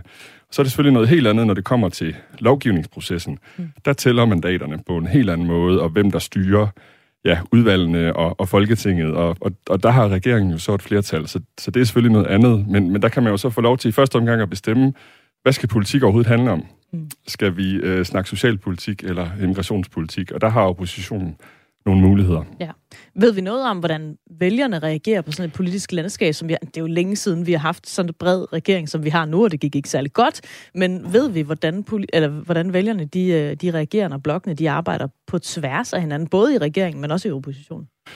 Øh, ja, så vi ved jo ikke ret meget i en dansk kontekst i hvert fald. Øh, det vi ved i en dansk kontekst, det er, at vælgerne, de, de ved faktisk overraskende meget. Øh, dem, dem kan vi have tillid til. Øh, de er sådan set gode til at aflæse partierne, ved også nogenlunde, hvor de står, og ved også, hvad de øh, nogenlunde kan forvente. Øh, det man så også kan sige, det er, at den her konstellation, den er ny i Danmark, men den er meget almindelig i andre europæiske lande, for eksempel Tyskland og Holland og også Italien, hvor man har haft en tradition for de her store øh, midterpartier, hvor øh, højre og venstre mødes med et eller andet midterparti, eller Moderaterne. Øh, og, og, og det har jo så været sådan en politik var i de lande, og, og det har vælgerne jo godt kunne navigere i. Så, så på den måde, så, så tror jeg, at der er en vej frem. Ja, Ja, fordi er, altså, er, der, er det holdbart i din, øh, i din optik, at vi har en, en opposition, der er så splittet og i så stort et, et undertal, som de er? Jamen altså, det er jo en, det er jo en, det er jo en ny vej frem. Øh, jeg tror, øh, jeg tænker, politikerne er sådan set ikke skræmte, fordi der er altid en ny øh, konstellation. Øh, det, man kan være bekymret for, det er selvfølgelig, om, om, om det bliver klart for vælgerne, hvad alternativet er til det næste valg. Altså, det, det kan blive lidt uklart for dem, øh, om, om hvad de så skal gøre, hvis de er utilfredse med den nuværende regering. Hvordan får de en ny regering? Mm. Øh, og der, der, kan, der kan de jo så se nu, for eksempel, de, de, stem, eller de vælgere, der har stemt på, øh, på venstrefløjspartier øh, ved valget i november, de havde nok en forventning om at, at få en venstrefløjsregering øh, og fik en midterregering pludselig, som de måske ikke havde forventet. Mm. Dem, der stemte til højre, de havde nok en forventning om, at, øh, at de ikke skulle se noget til Socialdemokratiet i regeringen, og så gjorde de det alligevel. Så der er et eller andet med, at, at det er blevet mere komplekst og mere uforudsigeligt. Ja, men kan man ikke også som vælger sidde og føle sig en lille smule trådt på, hvis man nu har lagt sin stemme hos Dansk Folkeparti, og nu inviterer de, kunne hjælpe mig, øh, enhedslisten til kaffe? Altså er det ikke sådan lidt det, vi er ude for os i Venstre, øh, at, at man føler, at man går i seng med de forkerte? Helt sikkert. Det, det, det vil jeg fuldstændig kunne følge, hvis, øh, hvis man har det sådan. Øhm, jeg tror, det kommer lidt an på, hvad det er, man mødes om. Øh, fordi jeg tror, øh, de vælgere, som, lad os sige, øh, en, en pensionist, som er meget bekymret for hjemmeplejen, for eksempel. Jeg tror, den pensionist, mand eller kvinde, har nok faktisk stået lidt i valget mellem, skulle jeg stemme på Morten, eller skulle jeg stemme på Maj Villersen, eller skulle jeg stemme SF? Mm. Og jeg tror, for i sådan en situation, der kan man sagtens se mulighederne for, at de står sammen, fordi det, det har man set, at, at de, øh, de er gode til at tale de emner op. Mm. Så er det noget andet, hvis de begynder at mødes hen over immigrationspolitikken, eller altså når, når, når det parti, man normalt stemmer på, giver helt køb på det, de normalt mm. står for. Henrik, øh, vi har lige en lytter igennem, øh, men du øh, står jo herinde i studiet, så du kan også høre, hvad Nils fra Humlebæk han har lyst til at sige til os. Øh, Nils, du er 72, og du siger, at det vigtigste det er at se resultater. Du tror ikke på, at de resultater de kan komme fra en, en samlet opposition. Hvorfor ikke? Jamen, det tror jeg ikke, fordi at, øh, vi kan jo se, hvordan det er gået med, øh, med regeringspartierne, hvor, hvor langt de har flyttet sig for at finde sammen, og hvor meget de har givet køb på. Altså, der hvor vi sidder næsten med åben mund og på løber og tænker, hvad fanden er det foregår? Og hvis det samme kan, øh, kan, kan forestille sig at foregå i oppositionen, så øh, er det jo et helt andet scenarie, vi, vi kigger ind i, end det, som vi måske umiddelbart øh, øh forestiller os øh, er, er tilfældet på tegnbrættet. Mm. Så du tror ikke på det her projekt overhovedet? Mm. Altså, jeg ved det ikke. Altså, når jeg siger, når jeg siger resultater, så er det jo fordi, jeg, jeg ser jo vælgerne, øh, uanset om de, eller hvor meget de nu er engageret i politik. Men jeg ser dem jo som en slags arbejdsgiver for politikerne. Vi har jo valgt dem for at sørge for, at de, de har styr på vores velfærdssamfund og, og, og, og for forretningen til at fungere og køre. Og det vi så kigger på, det er jo selvfølgelig resultaterne. Om de leverer nogle resultater, så, så ting rent faktisk fungerer. Og hvis det viser sig, at det ikke fungerer, øh, så vil man jo normalt i en virksomhed øh, få sparket øh, ud i kulden, og så må man ansætte nogen, der, der kunne. Men, øh, men, øh, men de der politikere, de, de overlever jo det ene øh, valg efter det andet, og det må simpelthen skyldes af for det første, at der ikke er nogen, der gider at stille op, som måske kan, kan få tingene til at fungere bedre. Eller også må det være, fordi at vælgerne de simpelthen er for uinteresseret i, i, i politik generelt, ellers så vil det jo ikke køre, som det gør. Mm. Øh, Niels, jeg tror, en af vores øh, lyttere tidligere også sagde det her med, at der, der er jo øh, politikere før og efter et valg, at det er som om, at de, øh, de, de siger en masse ting op til det her valg, og så lige snart vi er på den anden side, jamen hvis de ikke har fået magten, så er de villige til at samarbejde med, med hvem som helst for at komme lidt ind i varmen igen. Er det sådan lidt, du har det? Ja, og så har jeg det sådan, at nu er de så blevet valgt, og det, der, der, der kører fire år øh, som regel, inden de skal skiftes ud, eller, eller whatever. Øh, så, så de skal jo være synlige på en eller anden måde. Man kan jo ikke bare sidde, du ved, og, og blive væk. Øh, og man har jo brug for ligesom at, at, at gøre sig til, sådan så man bliver husket, om ikke andet, øh, for et eller andet, sådan så man måske kan være sikret, at man bliver valgt næste gang, man stiller op. Ikke? Mm. Niels, tak fordi jeg lige måtte uh, snakke med dig helt kort. Ja, velbekomme. Hej. Og øh, vi har altså stadigvæk øh, Henrik øh, Bæk Seberg, lektor i statskundskab ved Aarhus Universitet, øh, herinde. Du stod og nikkede, mens øh, Niels var på. Var der noget genkendeligt i det, han sagde? Ja, jeg synes, det var rigtig spændende at høre, hvad, hvad Niels sagde her, og, øh, og jeg er helt enig med Niels i, at, øh, at vores demokrati, vores folkestyre har brug for en stærk øh, opposition, har brug for en opposition, som kan udfordre regeringen. Det er, det, det er den måde, vi får den bedste lovgivning på, og vi får bedst repræsentation også af mindretallet, så jeg deler hans bekymring. Øh, men så vil jeg nok også sige, at vi behøver ikke at have øh, fire partier, som øh, synger i kor for at få en god opposition. Mm. Øh, en, en god gang kakofoni kan også være godt, øh, fordi så får vi måske dækket nogle flere emner. Jeg kan også se nogle muligheder i, at, øh, at, at, at venstrefløjen tager sig af øh, venstrefløjsemnerne, og højrefløjen tager sig af højrefløjsemnerne, og på den måde så får vi sådan øh, angreb fra flere sider. Det, det kan jeg se nogle, nogle, nogle spændende muligheder i mm. også.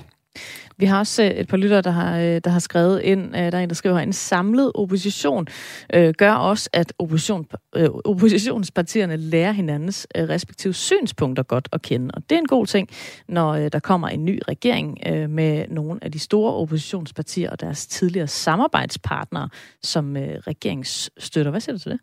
Jamen, det synes jeg også er en, en rigtig god pointe her, at, at det, det er jo en klar bekymring her, at det er blevet lidt uklart, mere uklart, hvem der er dine venner, og hvem der er dine fjender, og det her, det, det, det kan gå ud over, hvad kan man sige, samarbejdsklimaet, at lad os sige, øh, om, om fire år, så, så kommer der et valg, som gør, at man ikke har den her midterregering længere, og Venstre og Socialdemokratiet skal vende tilbage til deres fløje. Det kommer der til at tage lidt tid at finde hinanden der igen. Og det er også fuldstændig rigtigt, at den, den tid, der normalt er frem til det næste valg, den bruger en opposition på at finde sammen og finde et fælles projekt og, og tale sig ind på hinanden, så man står øh, stærkt og kan udfordre regeringen. Og, og det kommer jo ikke til at ske. Mm. Altså, vi får jo ikke en regering, der består af, af fløjpartierne på højre og venstre. Øh, så, så det er noget nyt og noget lidt anderledes, vi står i. Ja, der var også en lytter tidligere, der sagde, at det var også en mulighed for at øve sig i at være regering sammen. Ser du en mulighed for det med de her meget, meget uh, splittede partier, at de på et eller andet tidspunkt kan møde hinanden på midten, når vi er blevet trætte af SVM-regeringen? Øhm, det er igen en rigtig god pointe. Øh, jeg tror, at øh, det giver flere af partierne mulighed for at øve nogle nye ting. Altså for eksempel, at, at SF kan være rigtig oppositionsparti til, øh, til Socialdemokratiet, sådan som de for eksempel har sagt, de gerne vil være det.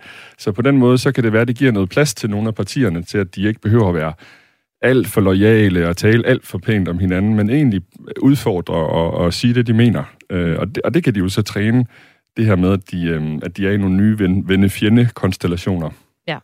Og øh, jeg tænker bare, hvis vi nu skal kigge på, altså hvor er det, de, de kan samarbejde? Maja Villersen, hun snakkede selv om det her med, at man skulle holde øh, regeringen op på øh, de her forlis, de har indgået, og at det ikke øh, kuldsejler på et eller andet tidspunkt øh, i, i farten med, med den her nye øh, regering. Men er der nogle, nogle områder, hvor vi kan se dem, der er der, at, at de alle sammen på en eller anden måde kan mødes om noget? Mm. Altså, hvis vi kigger tilbage på, på, på valget og, og, og på, på, på de sidste 10-20 år, så har vi jo set Dansk Folkeparti øhm, rykke sig mod midten på alt, hvad der har med velfærdspolitik at gøre, især rettet mod de ældre. Så der, øh, der ser jeg nogle muligheder også, fordi øhm, min egen forskning har vist, at, at øh, venstrefløjspartierne, de er mere røde, end de er grønne, når det kommer til stykket. Så jeg, jeg tror, de har noget, noget øh, socialpolitik at, øh, at mødes om. Mm. Og øh, der er en pointe her med, at vi jo tidligere har haft en, en midterregering i 1978. Hvordan var oppositionens adfærd under den regering? Kan man sige noget om det? Den varede jo ikke så længe. Ja, og det, øh, der må jeg være svar skyldig, ja. øh, men den varede jo ikke så længe lige præcis, og, øh, og jeg tror, at det havde lige så meget noget at gøre med øh, regeringen, at, at det viste sig bare at være svært at, at mødes om. Øh, der, der vil jeg så sige, at jeg, jeg ser anderledes på det her. Jeg tror ikke på, at det her det er en, øh, en døgnflue, der er fløjet i morgen. Øh, jeg tror, vi kigger ind i noget, der kan vare 10-20 år, fordi pendulet er svinget mod, øh, at de store partier har samlet sig på midten. Mm. Øh, og det, det, det gør dem nysgerrige på, hvad, hvad det kan give af muligheder. Øh, så, så det her kommer til at ændre sig igen. De kommer til at vende tilbage til fløjene igen, men der kan sagtens gå noget tid, før det kommer til at ske. Vi er modne til samarbejde over midten nu, som vi ikke var i 78, eller hvad? Det tror jeg, altså også fordi, at øh, sådan er det i politik, at, at, at politikerne, de bliver jo så altså, de, de, har, de, de ser, at de har opnået noget over de sidste 10-20 år, men de ser også, at der er en masse ting, der måske ikke lykkes for dem. Øh, og på den måde, så tror jeg, at de, de søger de her nye muligheder, de her steder, som de føler er overset, øh, hvor, hvor de så kan rykke på, på mm. det, de går op i. Nu var du inde på, at nu har vi selvfølgelig ikke så mange erfaringer fra Danmark, men der er nogen fra udlandet. Er der nogen, som, som uh, Morten Messerschmidt, når han nu uh, inviterer enhedslisten med til det her kaffemøde, kan han lade sig inspirere et eller andet og sige, okay, vi gør ligesom X dem herover? Øh, han kan i hvert fald kigge til, øh, til øh, Tyskland og Holland især, og se, at de her fløjpartier her, de kan klare sig rigtig godt. Øh, de kan virkelig, øh, og, hvad hedder det, hente nogle stemmer, fordi der er mange stemmer at hente. Der er mange stemmer samlet i kun tre partier inde på midten lige nu. Og hvis de gør en masse upopulære ting, eller ikke kan få tingene til at fungere, mm. jamen så er der jo meget stor plads ude på fløjene nu, fordi de har samlet sig så tæt mod midten, de tre store partier her. Øh, og, og det vi kan se, det er jo så, at han kan i hvert fald lære, at både, øh, det kunne være AFD, han måske kan spejle sig øh, i, i Tyskland, ikke? Mm. Øh, Højrefløjspartiet. Øh, Maj Villersen kan spejle sig i De Grønne i Tyskland også, og kan se, hvordan de har klaret sig øh, rigtig godt over de sidste 10 år. Ja. Øh, så der, der er sådan set masser af muligheder, og det kan jo også være bekymringen ved sådan en, en regering her, at øh, på nogle måder kan man sige, at politik samler sig mod midten. Øh, det er sådan den umiddelbare læsning, men, men det, der jo kan ske over de næste par år, det er, at politikken samler sig mod fløjene, fordi vælgerne, de, øh, de bliver skuffede eller frustrerede over, hvad den her regering her finder på, og så søger de mod fløjene, og så får vi jo en polarisering. Yeah. Altså, så det er ikke entydigt bare godt og, og skønt alt, hvad der sker. Og så alt, alle de der gode kaffemøder, og alt det gode samarbejde, der ja, måske kommer i gang nu, det er bare spildt. Det kan det jo være, altså, øh, men, men det kan jo også godt være, at Ja, altså, jamen det, det, det, det må vi nok forestille os, at, at så, øh, så begynder Socialdemokratiet og Venstre nok at, at få lidt kolde fødder og sige, okay, vi må ud og tilbage, hvor vælgerne så er strømmet hen. Og øh, jeg tror lige, vi skal have fat i vores, øh, vores faste lytter, øh, Kasper fra øh, Frederikssund. Han er jo øh, stadigvæk øh, med på linjen, øh, Kasper. Er du blevet, øh, er du blevet klogere af at, at lytte til, til snakken her de sidste, de sidste par minutter? Jeg er blevet klogere, men, men, men jeg hører selvfølgelig, hvad der bliver sagt. Øh, jeg er ikke nødvendigvis enig i det hele. Øh, jeg, jeg, jeg deler sådan set analysen af, at jeg tror, at fløjpartierne vil, vil, kunne, vil kunne hente et eller andet ved at Øh, at Socialdemokratiet er gået sammen med Venstre og samlet omkring midten. Det tror jeg giver noget rum til, til, til venstrefløjen. Og, og det samme tror jeg egentlig også godt, det kan give noget. Det er nok primært øh, Liberale Alliance og, og Danmarksdemokraterne. Jeg tror, der kan, der kan fiske lidt i Venstre. Øh, men, men jeg synes stadigvæk, at det her, for, hvis man taler om opposition og sådan noget, jeg synes, at Danmark vil have klart bedst af en stærk opposition. Den er der ikke. Altså, der er ikke en stærk opposition. Der er alle mulige mærkesager, Øh, jeg tror, øh, nu kan jeg ikke lige huske navnet her, men han snakker om, at venstrefløjen tager sig af venstrefløjssager, og højrefløjen gør det samme. Det synes jeg sådan lidt igen at forenkle politik. Jeg synes, jeg synes godt, at højrefløjen kan have, have gode dagsordner på det, som nogen mener er venstrefløjspolitik, og omvendt. Altså, jeg, jeg synes, debatten bliver klogere af, at, at, at man blander det hele sammen og, og tager et rum, hvor man, hvor man tager diskussionen rigtigt. Øhm, så, det, så det er jeg ikke helt enig i, men, men, men jeg tror ikke, vi, har, vi får en samlet opposition. Jeg tror, vi får en, en opposition, der, der, vil være, der, vil, der vil forsøge at, at fiske lidt i altså nogle vælgere tilbage, både for Venstre og for Socialdemokratiet.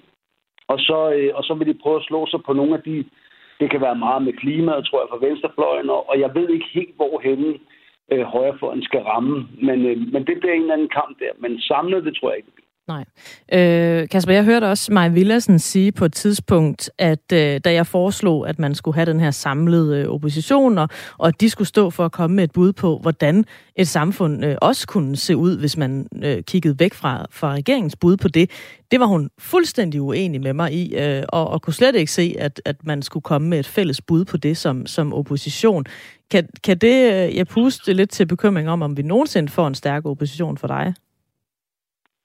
Nej, altså jeg, jeg tror egentlig også bare, det er sådan at, at tage udgangspunkt i, hvordan det reelt forholder sig. Altså der er jo ikke noget at, at samle en opposition omkring. Der er simpelthen for langt imellem. Havde det nu været et borgerligt Danmark, der skulle finde en, så kunne de godt finde et eller andet fælles at stå på. Men der er for langt imellem de her forskellige øh, sager, som, som hver enkelt parti nu engang må gå op i.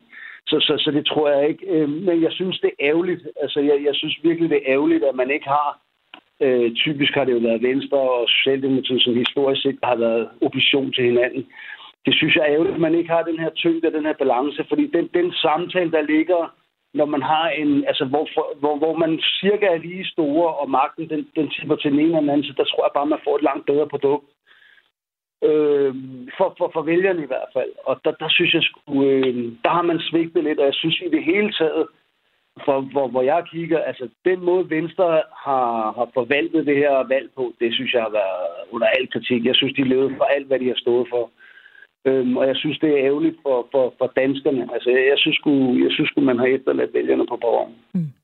Kasper øh, Vestberg, tak fordi du var, øh, du var med. Øh, vi siger farvel og tak øh, nu, fordi vi skal lige nå det sidste her med, øh, med vores gæst, Henrik Bæk Seberg. Men øh, tak fordi du var med ringe til, at vi snakkes ud en anden gang. Ja, tak. Hej. Og øh, nu ved jeg ikke, om vi, øh, om vi allerede har været inde på det her egentlig, men nu har vi talt meget om enhedslisten og, og, og Dansk Folkeparti, men der er jo alle mulige andre også i den her øh, opposition. Der er Liberal Alliance, vi har Nye Borgerlige. Øh, der er vel en mulighed for nogle samarbejder på tværs der, er der ikke det? Det er der helt bestemt, og øhm, og det er jo også det, der er enormt interessant ved det folketing, vi kigger ind i nu, at der er kommet nogle øh, ret store partier øh, på, på, på begge fløjene, og jeg synes især, det er interessant på højrefløjen lige nu, at du har Danmarksdemokraterne i enorm fremgang, og Nye Borgerlige i enorm fremgang, øh, og, øh, og Liberal Alliance også i fremgang. Altså nogle, nogle partier, som egentlig er sådan nogenlunde lige i størrelse, og de skal også have plads til at finde hinanden nu. Øh, på den måde er det sådan set positivt, de ikke er råd i en regering, øh, fordi det kunne kvæle dem. Øh, de, de skal have noget tid nu til at finde et øh, fælles fodslag. Ja. Øh, og så tror jeg også bare lige, jeg vil sige, øh, jeg synes, Claus kom med nogle, nogle rigtig gode øh, indspil. Jeg vil også bare sige, at øh, selv en, en, øh, en ren højrefløjsopposition, de kan ikke nødvendigvis samles om et højrefløjsprojekt. Altså, mm. Så det er ikke sådan, vi skal også passe på med at idealisere øh, det her med at have en, en blokopposition. Øh, kig til Sverige, hvor Socialdemokratiet, de havde øh, flertallet af magten i 95 år før der rigtig kom en, en, en højrefløjs øh, regering. Øh, det var også et udtryk for, at, at, at højrefløjsoppositionen ikke kunne samle sig derover. Så altså, det, det er ikke nogen garanti, at vi bare øh, har dem på den samme side, at vi så får en stærk opposition.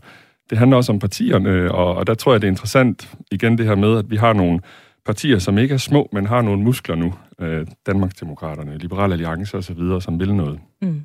Og, ja, og det kommer nok af det, jeg sagde med Maja, øh, Maja Villersen, der havde sagt, at, at hun var helt uenig med det der med, at de skal komme med et fælles bud på, hvordan tingene de skal, de skal skrues sammen.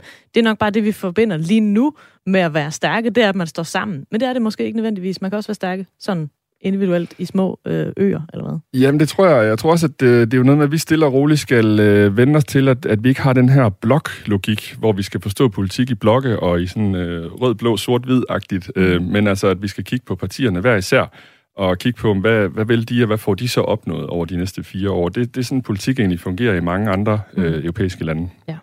Er der et oppositionsparti, som du er særligt spændt på at følge med her i de kommende år, når vi har SVM-regering? Øh, altså, jeg, jeg vil sige, øh, jeg følger med øh, i dem alle. Jeg synes, det er spændende, mm. det hele. Men jeg kigger især mod øh, Danmarksdemokraterne, ja. fordi de har den her øh, udkants... Øh, det her udkantsemne, de er meget optaget af, og, øh, og jeg tror, de, øh, der er noget kraft omkring det, som jeg, jeg glæder mig til at, at følge og se, hvordan de kommer til at, at udfordre regeringen, som jo også ligger op til udkantspolitik. Ja, ja, og også fordi der gik lang tid før vi fandt ud af, at det var det, de handlede om. Præcis. der, der blev faktisk stemt på dem, inden vi sådan rigtig vidste, hvad er det, det går ud på, det her projekt. Ikke? Præcis, og det er der, hvor det tit, og det viser forskningen også, der hvor du tit ser de største opbrud i politik, det er, når et, et nyt parti kommer ind og har fat i noget helt nyt, som, øh, som ligesom går, går på tværs af alt det andet. Mm. Øh, det kan virkelig ryste op i tingene. Og, øh, ja, og det, er det dem, der har sådan særligt meget på spil? Op til nu af det her oppositionssamarbejde i, i din optik, eller er der andre? Jeg tænker, Dansk Folkeparti er jo nærmest på vej ud. De har vel også meget på spil. Ja, det skulle jeg lige til at sige. Ikke? Altså, jeg tænker også, at puha, øh, jeg vil hellere være øh, Danmarksdemokraterne end øh, Dansk Folkeparti lige nu. Det er der øh, mange, der har tænkt, kan man sige, at smuttet over. De har jo alt muligt på spil, alle partierne. Jeg ved, øh, jeg kunne forestille mig, at Dansk, Danmarksdemokraterne, de vil jo gerne øh, se, om de kunne blive et, øh, et regeringsparti. Ikke? Det er deres ambition. Der skal ske meget der, og, og Morten, han skal jo ind og, og, og genopbygge et parti. Det er også et kæmpe projekt for ham. Mm. Øh, jeg tror, det er godt, han er i opposition og har plads til at, at finde tilbage til, hvor han står stærkt. Ja. Henrik Bæk Seberg, så tror jeg, vi er nået i, i mål med det, vi skulle uh, nå om, uh, om oppositionspartierne i dag. Tusind tak, fordi du kom forbi, også i det her møgvær, vi har i dag. Fornøjelse. Lektor i statskundskab på Aarhus Universitet, der har altså forsket i oppositionens adfærd. Og lige efter øh, en øh, omgang nyheder, så skal vi snakke lidt om det skrevne ord, altså det håndskrevne ord, for det er brevet på øh, vej ud af vores bevidsthed. Jeg kan i hvert fald nærmest ikke huske, hvornår jeg sidst har sendt et brev. Hvis du kan huske det, så må du meget gerne skrive til mig på 1424. Og øh, om du synes, det er ærgerligt, at øh, vi ikke sender nogle flere breve til hinanden. Men øh, det er efter nyhederne. Klokken er halv 11. Radio 4 taler med Danmark. Du lytter til Ring til Radio 4. I dag med Mine Surballe. Og vi skal lige runde en sidste ting i programmet i dag, her den sidste halve times tid. Vi fik en rigtig god snak om det i, i går på redaktionen, så vi tænkte, det må der simpelthen være noget i det her. Det må der være nogen, der har lyst til at snakke om. For det var længe er det egentlig siden, at du sendte et fysisk brev. Jeg kan overhovedet ikke huske, hvornår jeg sendte det. Øh, men da jeg var barn, der gjorde jeg det hele tiden. Jeg havde veninder over hele landet. Kan jeg huske, vi sendte øh, breve til hinanden og små julegaver og fortalte om alle øh, de ting, der skete i skolen, og når nogen fik en ny øh, lille øh, søskende og alle sådan nogle ting, uden at vi nogensinde mødte hinanden. Jeg sendte postkort til bedsteforældre og venner, når vi var på ferie, øh, både i og uden for Danmark. Det var simpelthen et must at, at sende det her postkort. Og det håndskrevne ord, det havde enormt stor værdi, også selvom at jeg bare var et barn. Men mobiltelefonen og internetadgang, selv i de fjerneste egne af verden, har jo gjort det her brev fuldstændig øh, overflødigt, og det når frem i sneglefart sammenlignet med en sms, og ja, hvem gider egentlig modtage et postkort fra en ferie, der for længst er overstået. Den næste halve times tid, der taler vi om det fysiske brev, det håndskrevne brev, på øh, Jyllandsposten, der fandt vi her på redaktionen øh, en artikel fra øh, nytårsaftens øh, dag, en øh, lidt ældre sag selvfølgelig, men hvor man havde testet, hvor hurtigt et brev nåede hjem fra øh, øh, hjem til Aarhus fra destinationer i hele verden. Øh, allerlangsomst, det var øh, brevet fra Australien, i, øh, altså Melbourne i Australien, med 22 dage undervejs, mens et brev fra Næstved blev så maltrakteret på sin rejse, at man øh, knap nok kunne tyde modtageradressen. Og Ja, det fik os altså til at snakke om, at øh, ikke en eneste af os havde modtaget et fysisk julekort sidste år til jul. Øh, en enkelt havde vist med en øh, smule tvang fået teenageren til at nedfælde et par ord til oldemor på et julekort, men det var vist også det. Øhm, fordi det håndskrevne ord er bare ved at uddø. Men, og nu skal du til at bidrage med din holdning. Sender du stadigvæk fysiske breve, håndskrevne breve, eller kort, julekort, postkort, og synes du, det er ærgerligt, eller måske bare helt naturligt, at vi ikke længere skriver breve til hinanden. Jeg vil meget gerne høre fra dig på 72 30 44 44 eller en øh, sms til 14 24. Du lytter til Ring til Radio 4. Og vi skal selvfølgelig også tage en af vores øh, faste lyttere til at være med til at snakke om det her øh, emne. Øh, Emil Corvenius Labus, du er 24 år, du bor i Holbæk. Velkommen til. Jo, tak. Som ung mand på 24, så kan jeg forestille mig, at du ikke får slikket på særlig mange frimærker for at sende øh, fysiske breve, men hvornår har du egentlig sidst sendt et, øh, et håndskrevet brev eller kort til nogen? Kan du huske det? Uha, det, øh, jeg, jeg tror faktisk, det må have været gækkebrev, øh, da, da jeg var barn. Øh, det, det er nok det seneste brev, jeg har sendt. Et gækkebrev? Sige, øh, og, og, ja, et, et gækkebrev, ja. Og, og kan du huske, hvem du sendte det til? Det har nok været til min øh, far eller min mor, for i, håb om, jeg kunne få et påskeæg, ikke? Altså, så, så vi, vi er helt tilbage dertil, øh, for at kunne huske, hvornår jeg har sendt øh, noget sidst. Ja. Synes du, det er ærgerligt, at øh, brevet, det håndskrevne brev, ikke bliver brugt mere, end, end det gør i dag? Øh, ja, altså det, det synes jeg, fordi der, der er jo noget, noget helt personligt over øh, en, en persons håndskrift, kan man sige, og, og når man sender et brev, så har man virkelig ment, at den her besked, den skal være personlig til en anden øh, person. Øh, så det synes jeg klart er ærgerligt. Øh, og for eksempel alt det her med at bare lige at sende en sms og sige godt nytår frem for at modtage et brev eller en hilsen, der, det, det, der er der en kæmpe forskel, det er der. Hmm. Ja, altså hvad, hvad ligger man, eller hvad ligger du af værdi i det der med at få et håndskrevet brev, selvom du ikke får så mange af dem, tænker jeg? Jamen altså, der, der kommer jo en eller anden varm følelse af, at der er en, en anden, der har tænkt på en i form af en hilsen, og, og har sat sig ned og simpelthen skrevet med en blyant eller en kuglepen, at øh, øh, godt nytår og, og god jul, eller hvad, hvad end det er. Og man, man føler bare, at personen på en anden måde tænker på en, end hvis de gør, hvis, hvis det er digitalt. Tror du, at brevet har en fremtid, eller er det ved at dø ud? Uh, ja, nu var jeg inde og kigge på noget øh, statistik her i går aftes faktisk, og altså, den, den, den går direkte ned af den der, den der linje der, så jeg tror desværre, at det er ved at dø ud. Men uh, det, det bliver spændende at se de næste par år, om, om, om der er de der, der bare holder ved og bliver ved med at sende breve, og den, og den så får en ny bundlinje. Har du en fornemmelse af, hvem det er, der stadigvæk sender breve? Fordi det er i hvert fald ikke os to, der sidder og snakker her i hvert fald. Nej, det, det er det i hvert fald ikke, men, men, men jeg vil tro, at det, det er dem af den ældre generation, og, og der er dem her, der, der simpelthen har det som en tradition at sende det her faste julekort eller påskekort, eller bare, bare generelt bare en hilsen til folk øh, i form af et brev, så jeg tror, det er dem, der holder ved.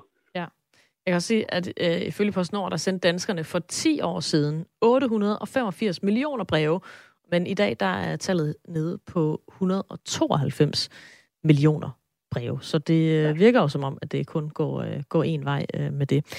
Emil, du får lige lov til at, at hænge på, fordi vi har nemlig en, øh, en anden øh, kilde her på, øh, på linjen. Og øh, måske kan vores øh, næste gæst komme med et bud på, om brevet overhovedet har en øh, fremtid. Hun ved i hvert fald enormt meget om brevets fortid.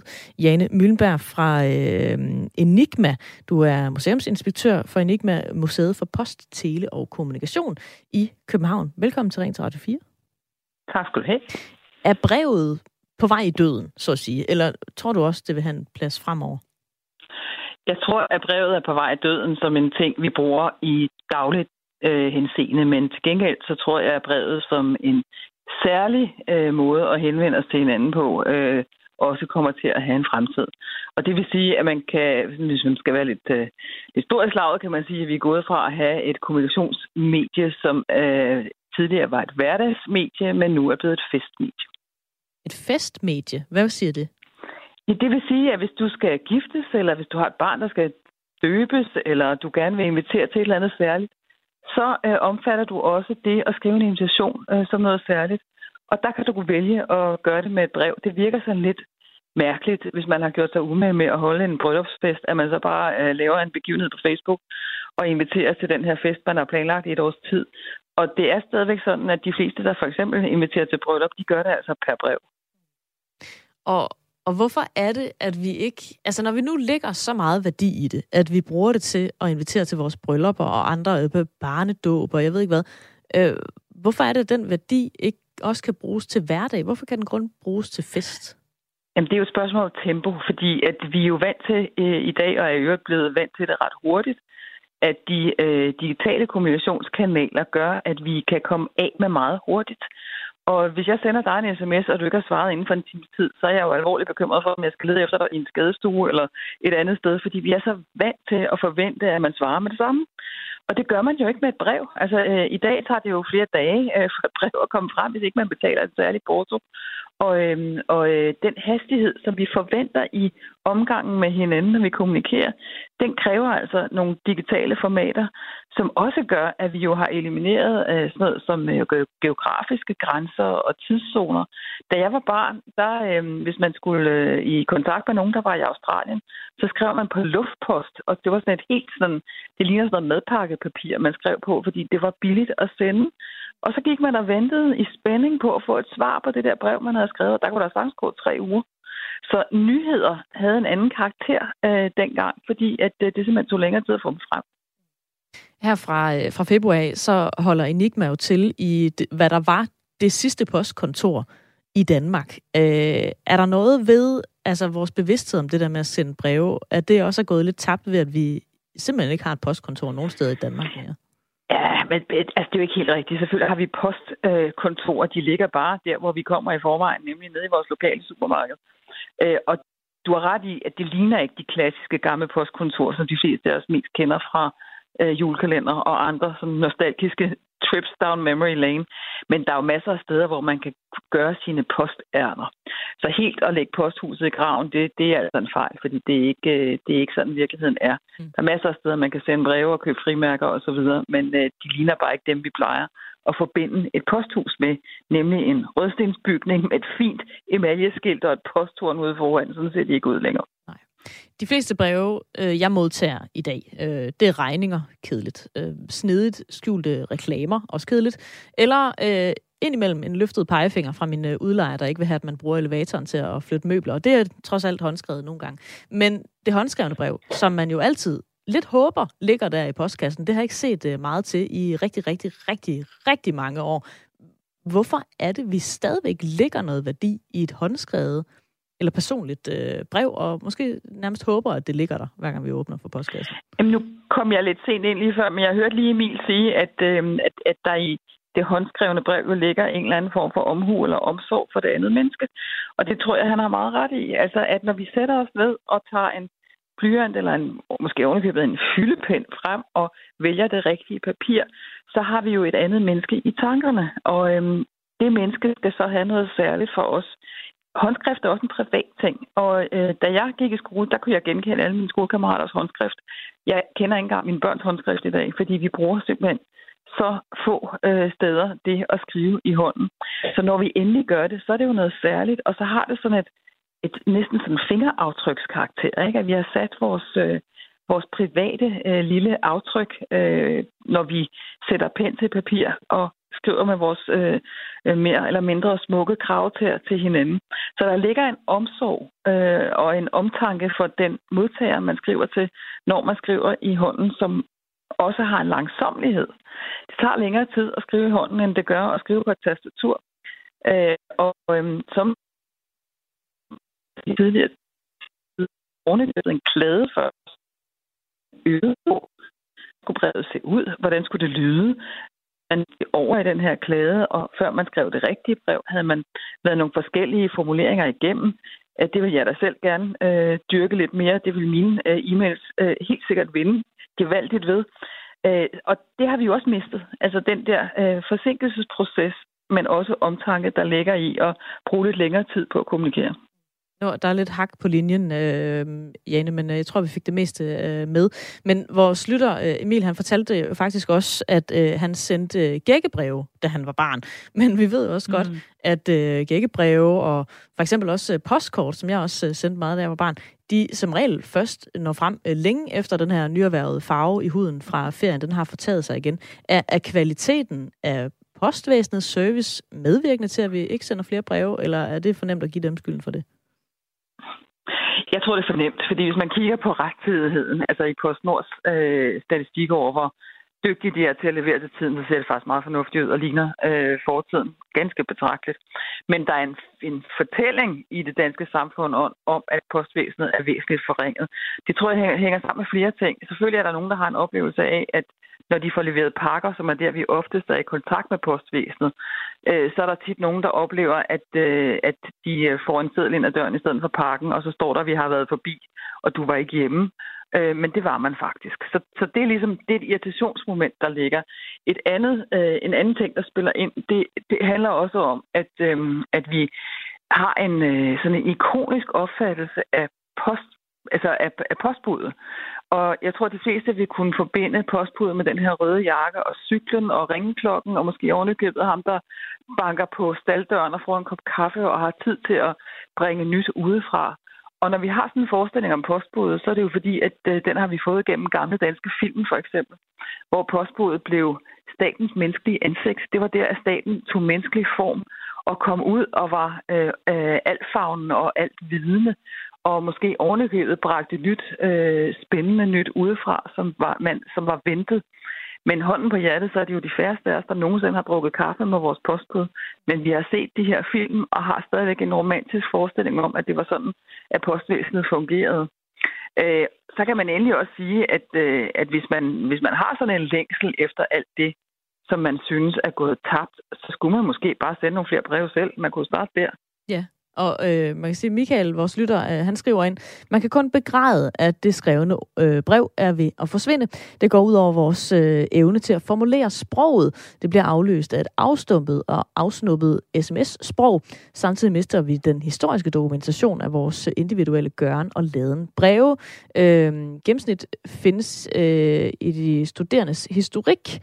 Øh, Ja, det fik jeg vist ikke læst helt forkert. Men øh, øh, sms og mails forsvinder øh, med et øh, tryk på delete, og i hvert fald, når man dør.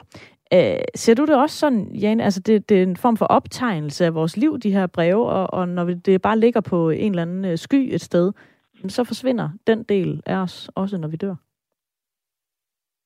Øh, det er Michael ret i, og jeg er fuldstændig enig med ham i, i hans betragtninger omkring sproget at vores sprog bliver øh, forandret, og ikke nødvendigvis til det bedre, hvis man spørger øh, sådan en som mig.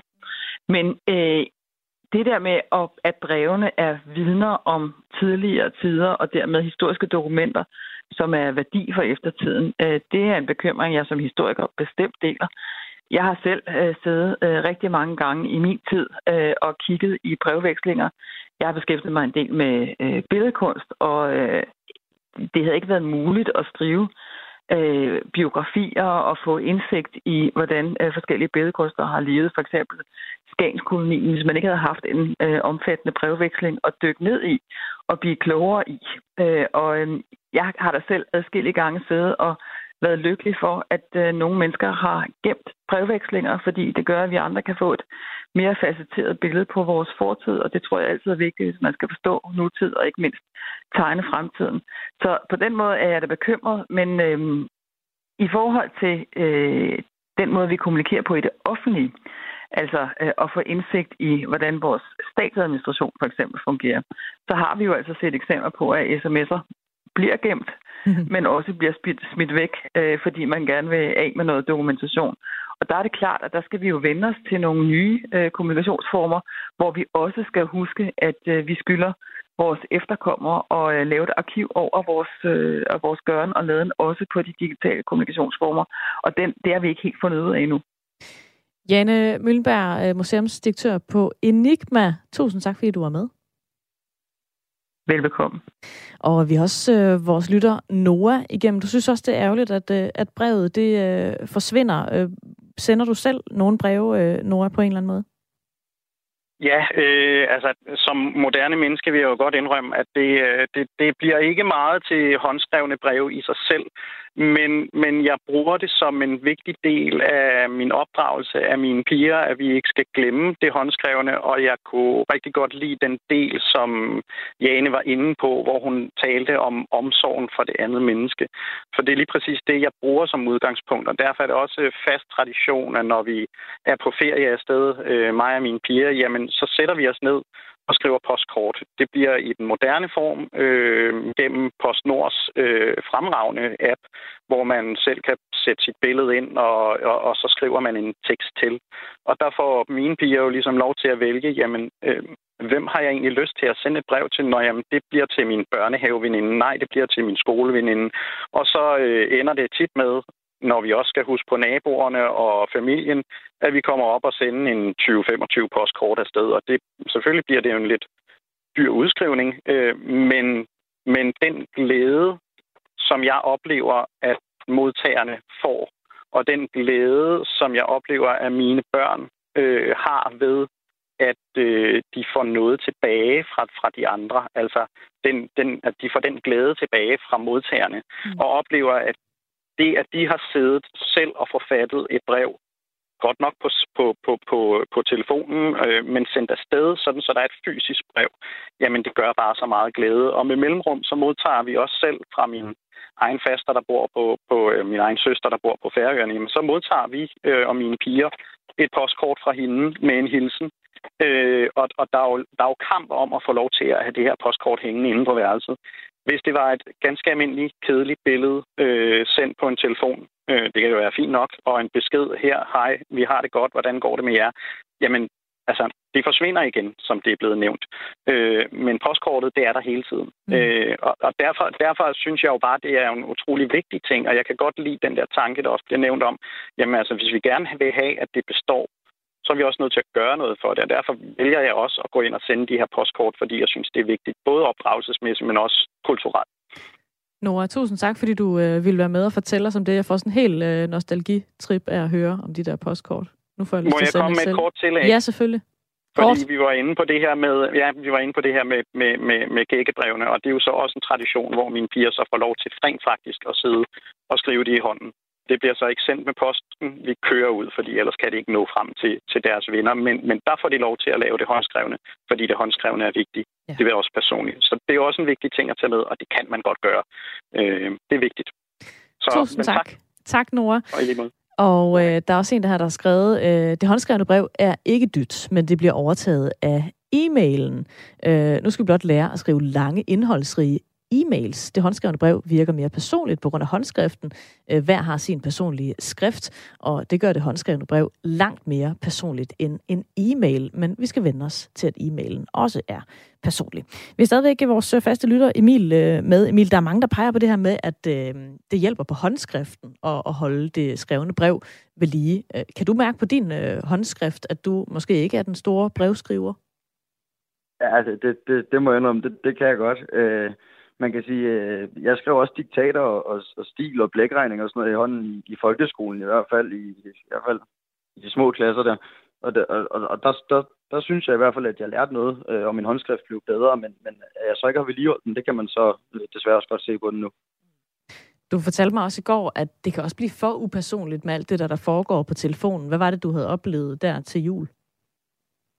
Jamen, det er for eksempel at få en, en øh, gave over MobilePay øh, og sådan et julekort der, det, det, det, det, det er sgu sådan lidt, øh, lidt tamt i forhold til at få et rigtigt øh, julekort, og så ligger der måske en 500 kroner i klipset i. Ikke? Det, det er lidt sjovere. Mm. Og vi har lige en, øh, en lytter mere med, inden vi er nødt til at runde af. Vibeke på 70 øh, fra Aarhus. Du skriver selv fysiske brev til veninderne og sender også til din, dine børnebørn. Hvorfor bliver du ved med at holde fast i det, det håndskrevne ord?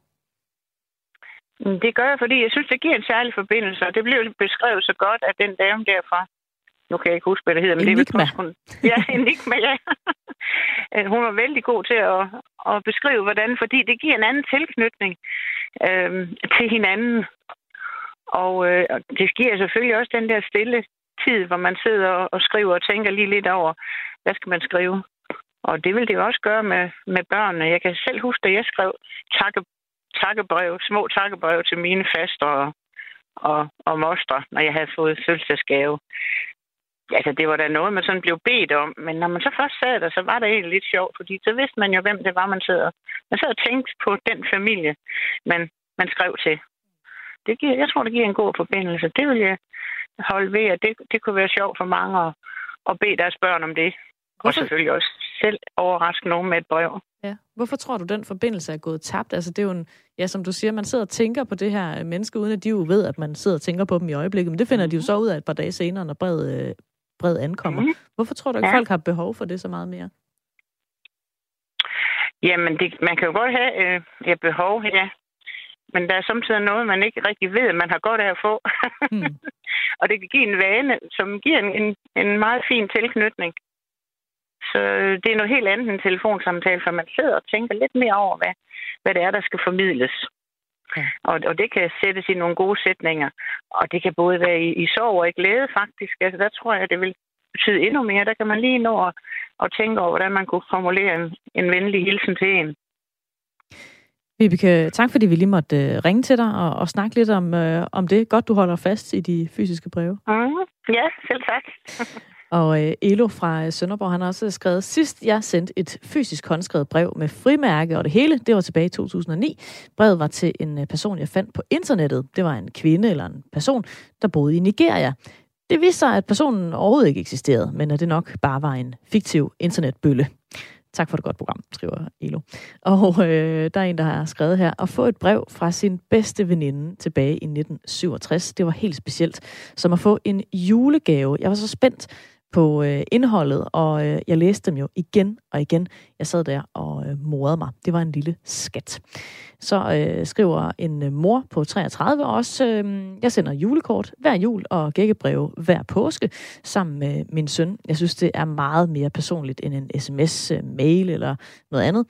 Jeg elsker øh, selv at modtage dem, og jeg ser, hvor meget glæde det giver modtageren. Ligeledes de her traditioner fastholder jeg i vores familie i øh, en øh, stigende digitaliseret verden. Øh, Inger, hun skriver også her, øh, jo, det er trist, at det håndskrevne brev øh, forsvinder øh, af flere grunde. Det er så nemt, hurtigt og ikke mindst billigt at sende en øh, mail. Ydermere er der øh, længere og længere mellem steder, hvor man kan erhverve sig et efterhånden meget dyrt frimærke. Jeg tror desværre også, at øh, faget skrivning fylder mindre og mindre i øh, skolen.